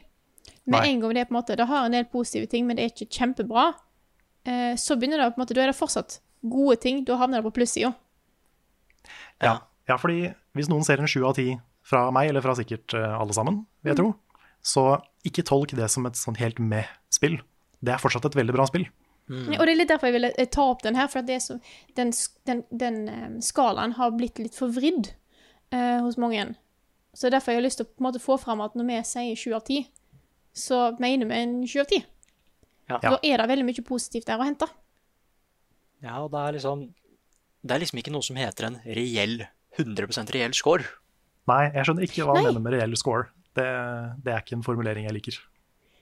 Men det er, det er, jo, det er jo vanskelig, fordi at det er, subjektivitet kommer jo inn i bildet, og sånn er det jo alltid med anmeldelser. Eh, så eh, derfor tenker jeg av og til det er like greit å bare på en måte få, eh, få fram hva vi legger i den skalaen. Ja. Eh, siden det er såpass mye forskjellig eh, fra, mellom ulike eh, anmelderplasser. Så vi prøver å legge ordentlig i det at eh, en fem av ti er Det er OK. Yes. The, The Surge, det første The Surge, var fem av ti. Og det er et helt midt på treet-spill. Så sju av ti er mye bedre enn The Surge. Ha litt det perspektivet da, at sju av ti er høyere enn midt på treet. Selv om det kan virke som det er, eh, at det er midt på treet, fordi mange spill får det, så er det, det er fordi det er de spillene vi prioriterer. Mm. Rett og slett. Jeg går ikke ut og bare sånn Yes, nå skal jeg spille et spill som sannsynligvis bare er OK. Og som jeg bare liksom ikke får noen ting ut av. Det er ikke spill jeg nødvendigvis går og velger ut. Altså, så er vi jo liksom, vi er mer opptatt av å eh, lage ting på det som er bra, fordi da har vi lyst til å formidle noe om det, ikke sant? Ja, ja, ja. Det er jo mange som liker å fokusere på litt sånn negative ting og finne humoristisk dårlige ting og sånn. Men vi er ikke helt der. Vi har, vi har en drittspillspalte, men den har vi sånn tre videoer i, eller noe sånt. Det er på en måte ikke vår greie, da. Vi pleier å fokusere på det folk gleder seg til, det vi tror blir bra. Um, det som ofte blir bra, da. Det er så mye mer gøy å lage en anmeldelse til noe du er superentusiastisk for, eller bare har et hat for. Ja, det, ja. er derfor du enten har drittspill, eller så på en måte prøver med å lage anmeldelser. Eller fokusere fokuserer vi på spill vi har lyst til å spille. Mm. Hvis jeg hele tida skulle gått ut og bare sånn Ja, eh, nå, har jeg, nå har jeg anmeldt en del bra spill, så da må jeg finne et par skikkelig ræva, og så må jeg slite meg gjennom det. Ja. Da har det ikke vært gøy. Ja, vi pleier er liksom aldri å gå for det som vi tror kanskje kan bli stinkers. Rett og slett. Nei, det, er liksom, det blir litt sånn naturlig nedprioritert hvis vi for det første tror at veldig få interesserer seg for det, og for det andre at liksom kan vi ikke heller bruke tid på noe vi vil at folk skal vite om? Mm. Ja, men når sånt skal sies, jeg har litt lyst til å få en sånn Gundam-situasjon igjen. Ja, det er, jo, det er jo gøy når man gleder seg til noe, men så suger det. Altså, det er ikke gøy, men det er gøy å lage noe på det. Ja, men, det, Men da, Sånn som Tony Hawk 5 og ja, men det er akkurat det som Frida sa, liksom. At det bare Det beste er å snakke om noe som, har en kjempe, som gjør det kjempebra eller kjempedårlig, ikke sant? Mm. Og det måtte liksom Jeg følte at det var ganske viktig at jeg fortalte verden hva det spillet her var. Og det var litt det, det, det var en ganske kul dag på jobb, sånn egentlig. Var det ikke ja, Johan Kaos back, back in the day som anmeldte et skikkelig ræva spill? For det var Jo, Rambo. Rambo-spillet? Ja, stemmer det. Rambo-spillet. Det var en kjempefestlig anmeldelse, for da kan du på en måte, du kan gjøre noe ut av det. Så jeg skjønner veldig godt at du koser deg på jobb, eh, Nick. Når du lager, lager den anmeldelsen. Og så syns jeg alltid jeg vil bare si det at hør mer på eh, Jeg, jeg syns score er vanskelig. Åh, det, er- eller det er liksom Det er en sånn For jeg, jeg vet alt Jeg vet hva jeg syns om spillet, i mange setting, settinger. Jeg kan formulere det, og så er det sånn Å, så skal jeg sette et tall på det. Og da er det sånn Å, nei, jeg vil ikke sette tall på det. Så må du gjøre det likevel. Så hør på hva vi sier. Ja, det er et godt poeng. Jeg synes, um, jeg skjønner hvorfor folk liker scores. Det kan også være veldig praktisk å på en måte jobbe ut ifra en score, Ja. men det er ofte jeg tenker at det hadde vært deilig å ikke ha de. Og kanskje til og med vi hadde fått ting tydeligere fram hvis vi ikke hadde hatt de. Men eh, jeg vet ikke, scores er populære, så eh, vi kommer nok til å fortsette i hvert fall en stund til med det. Har vi ett spørsmål til på lager? Eller er det uh, Jeg, jeg, er tom, tror jeg. Har du noe, Nick? jeg har en kjemperask en. Ok. Hvis vi bare plutselig kom på et eller annet, liksom. Okay. Det er fordi PB. Even Fosser spør Uh, med Summer Games Done Quick i full gang, så tenker jeg at det var uh, betem- betimelig å spørre. Uh, hvis dere skulle valgt et spill å speedrunne, hva hadde det vært? Vi, oh. vi måtte speedrunne, vi måtte bli flinke i et spill og speedrunnere. Jeg har et svar på det. Ja, Samme spillet som jeg sa i stad. Sonic R. sånn det er, ja. Og det er fordi det er ganske lav altså, Det er ganske lav terskel, ikke sant? for det er så få som spiller det. Så det skal ikke så mye til å bli god.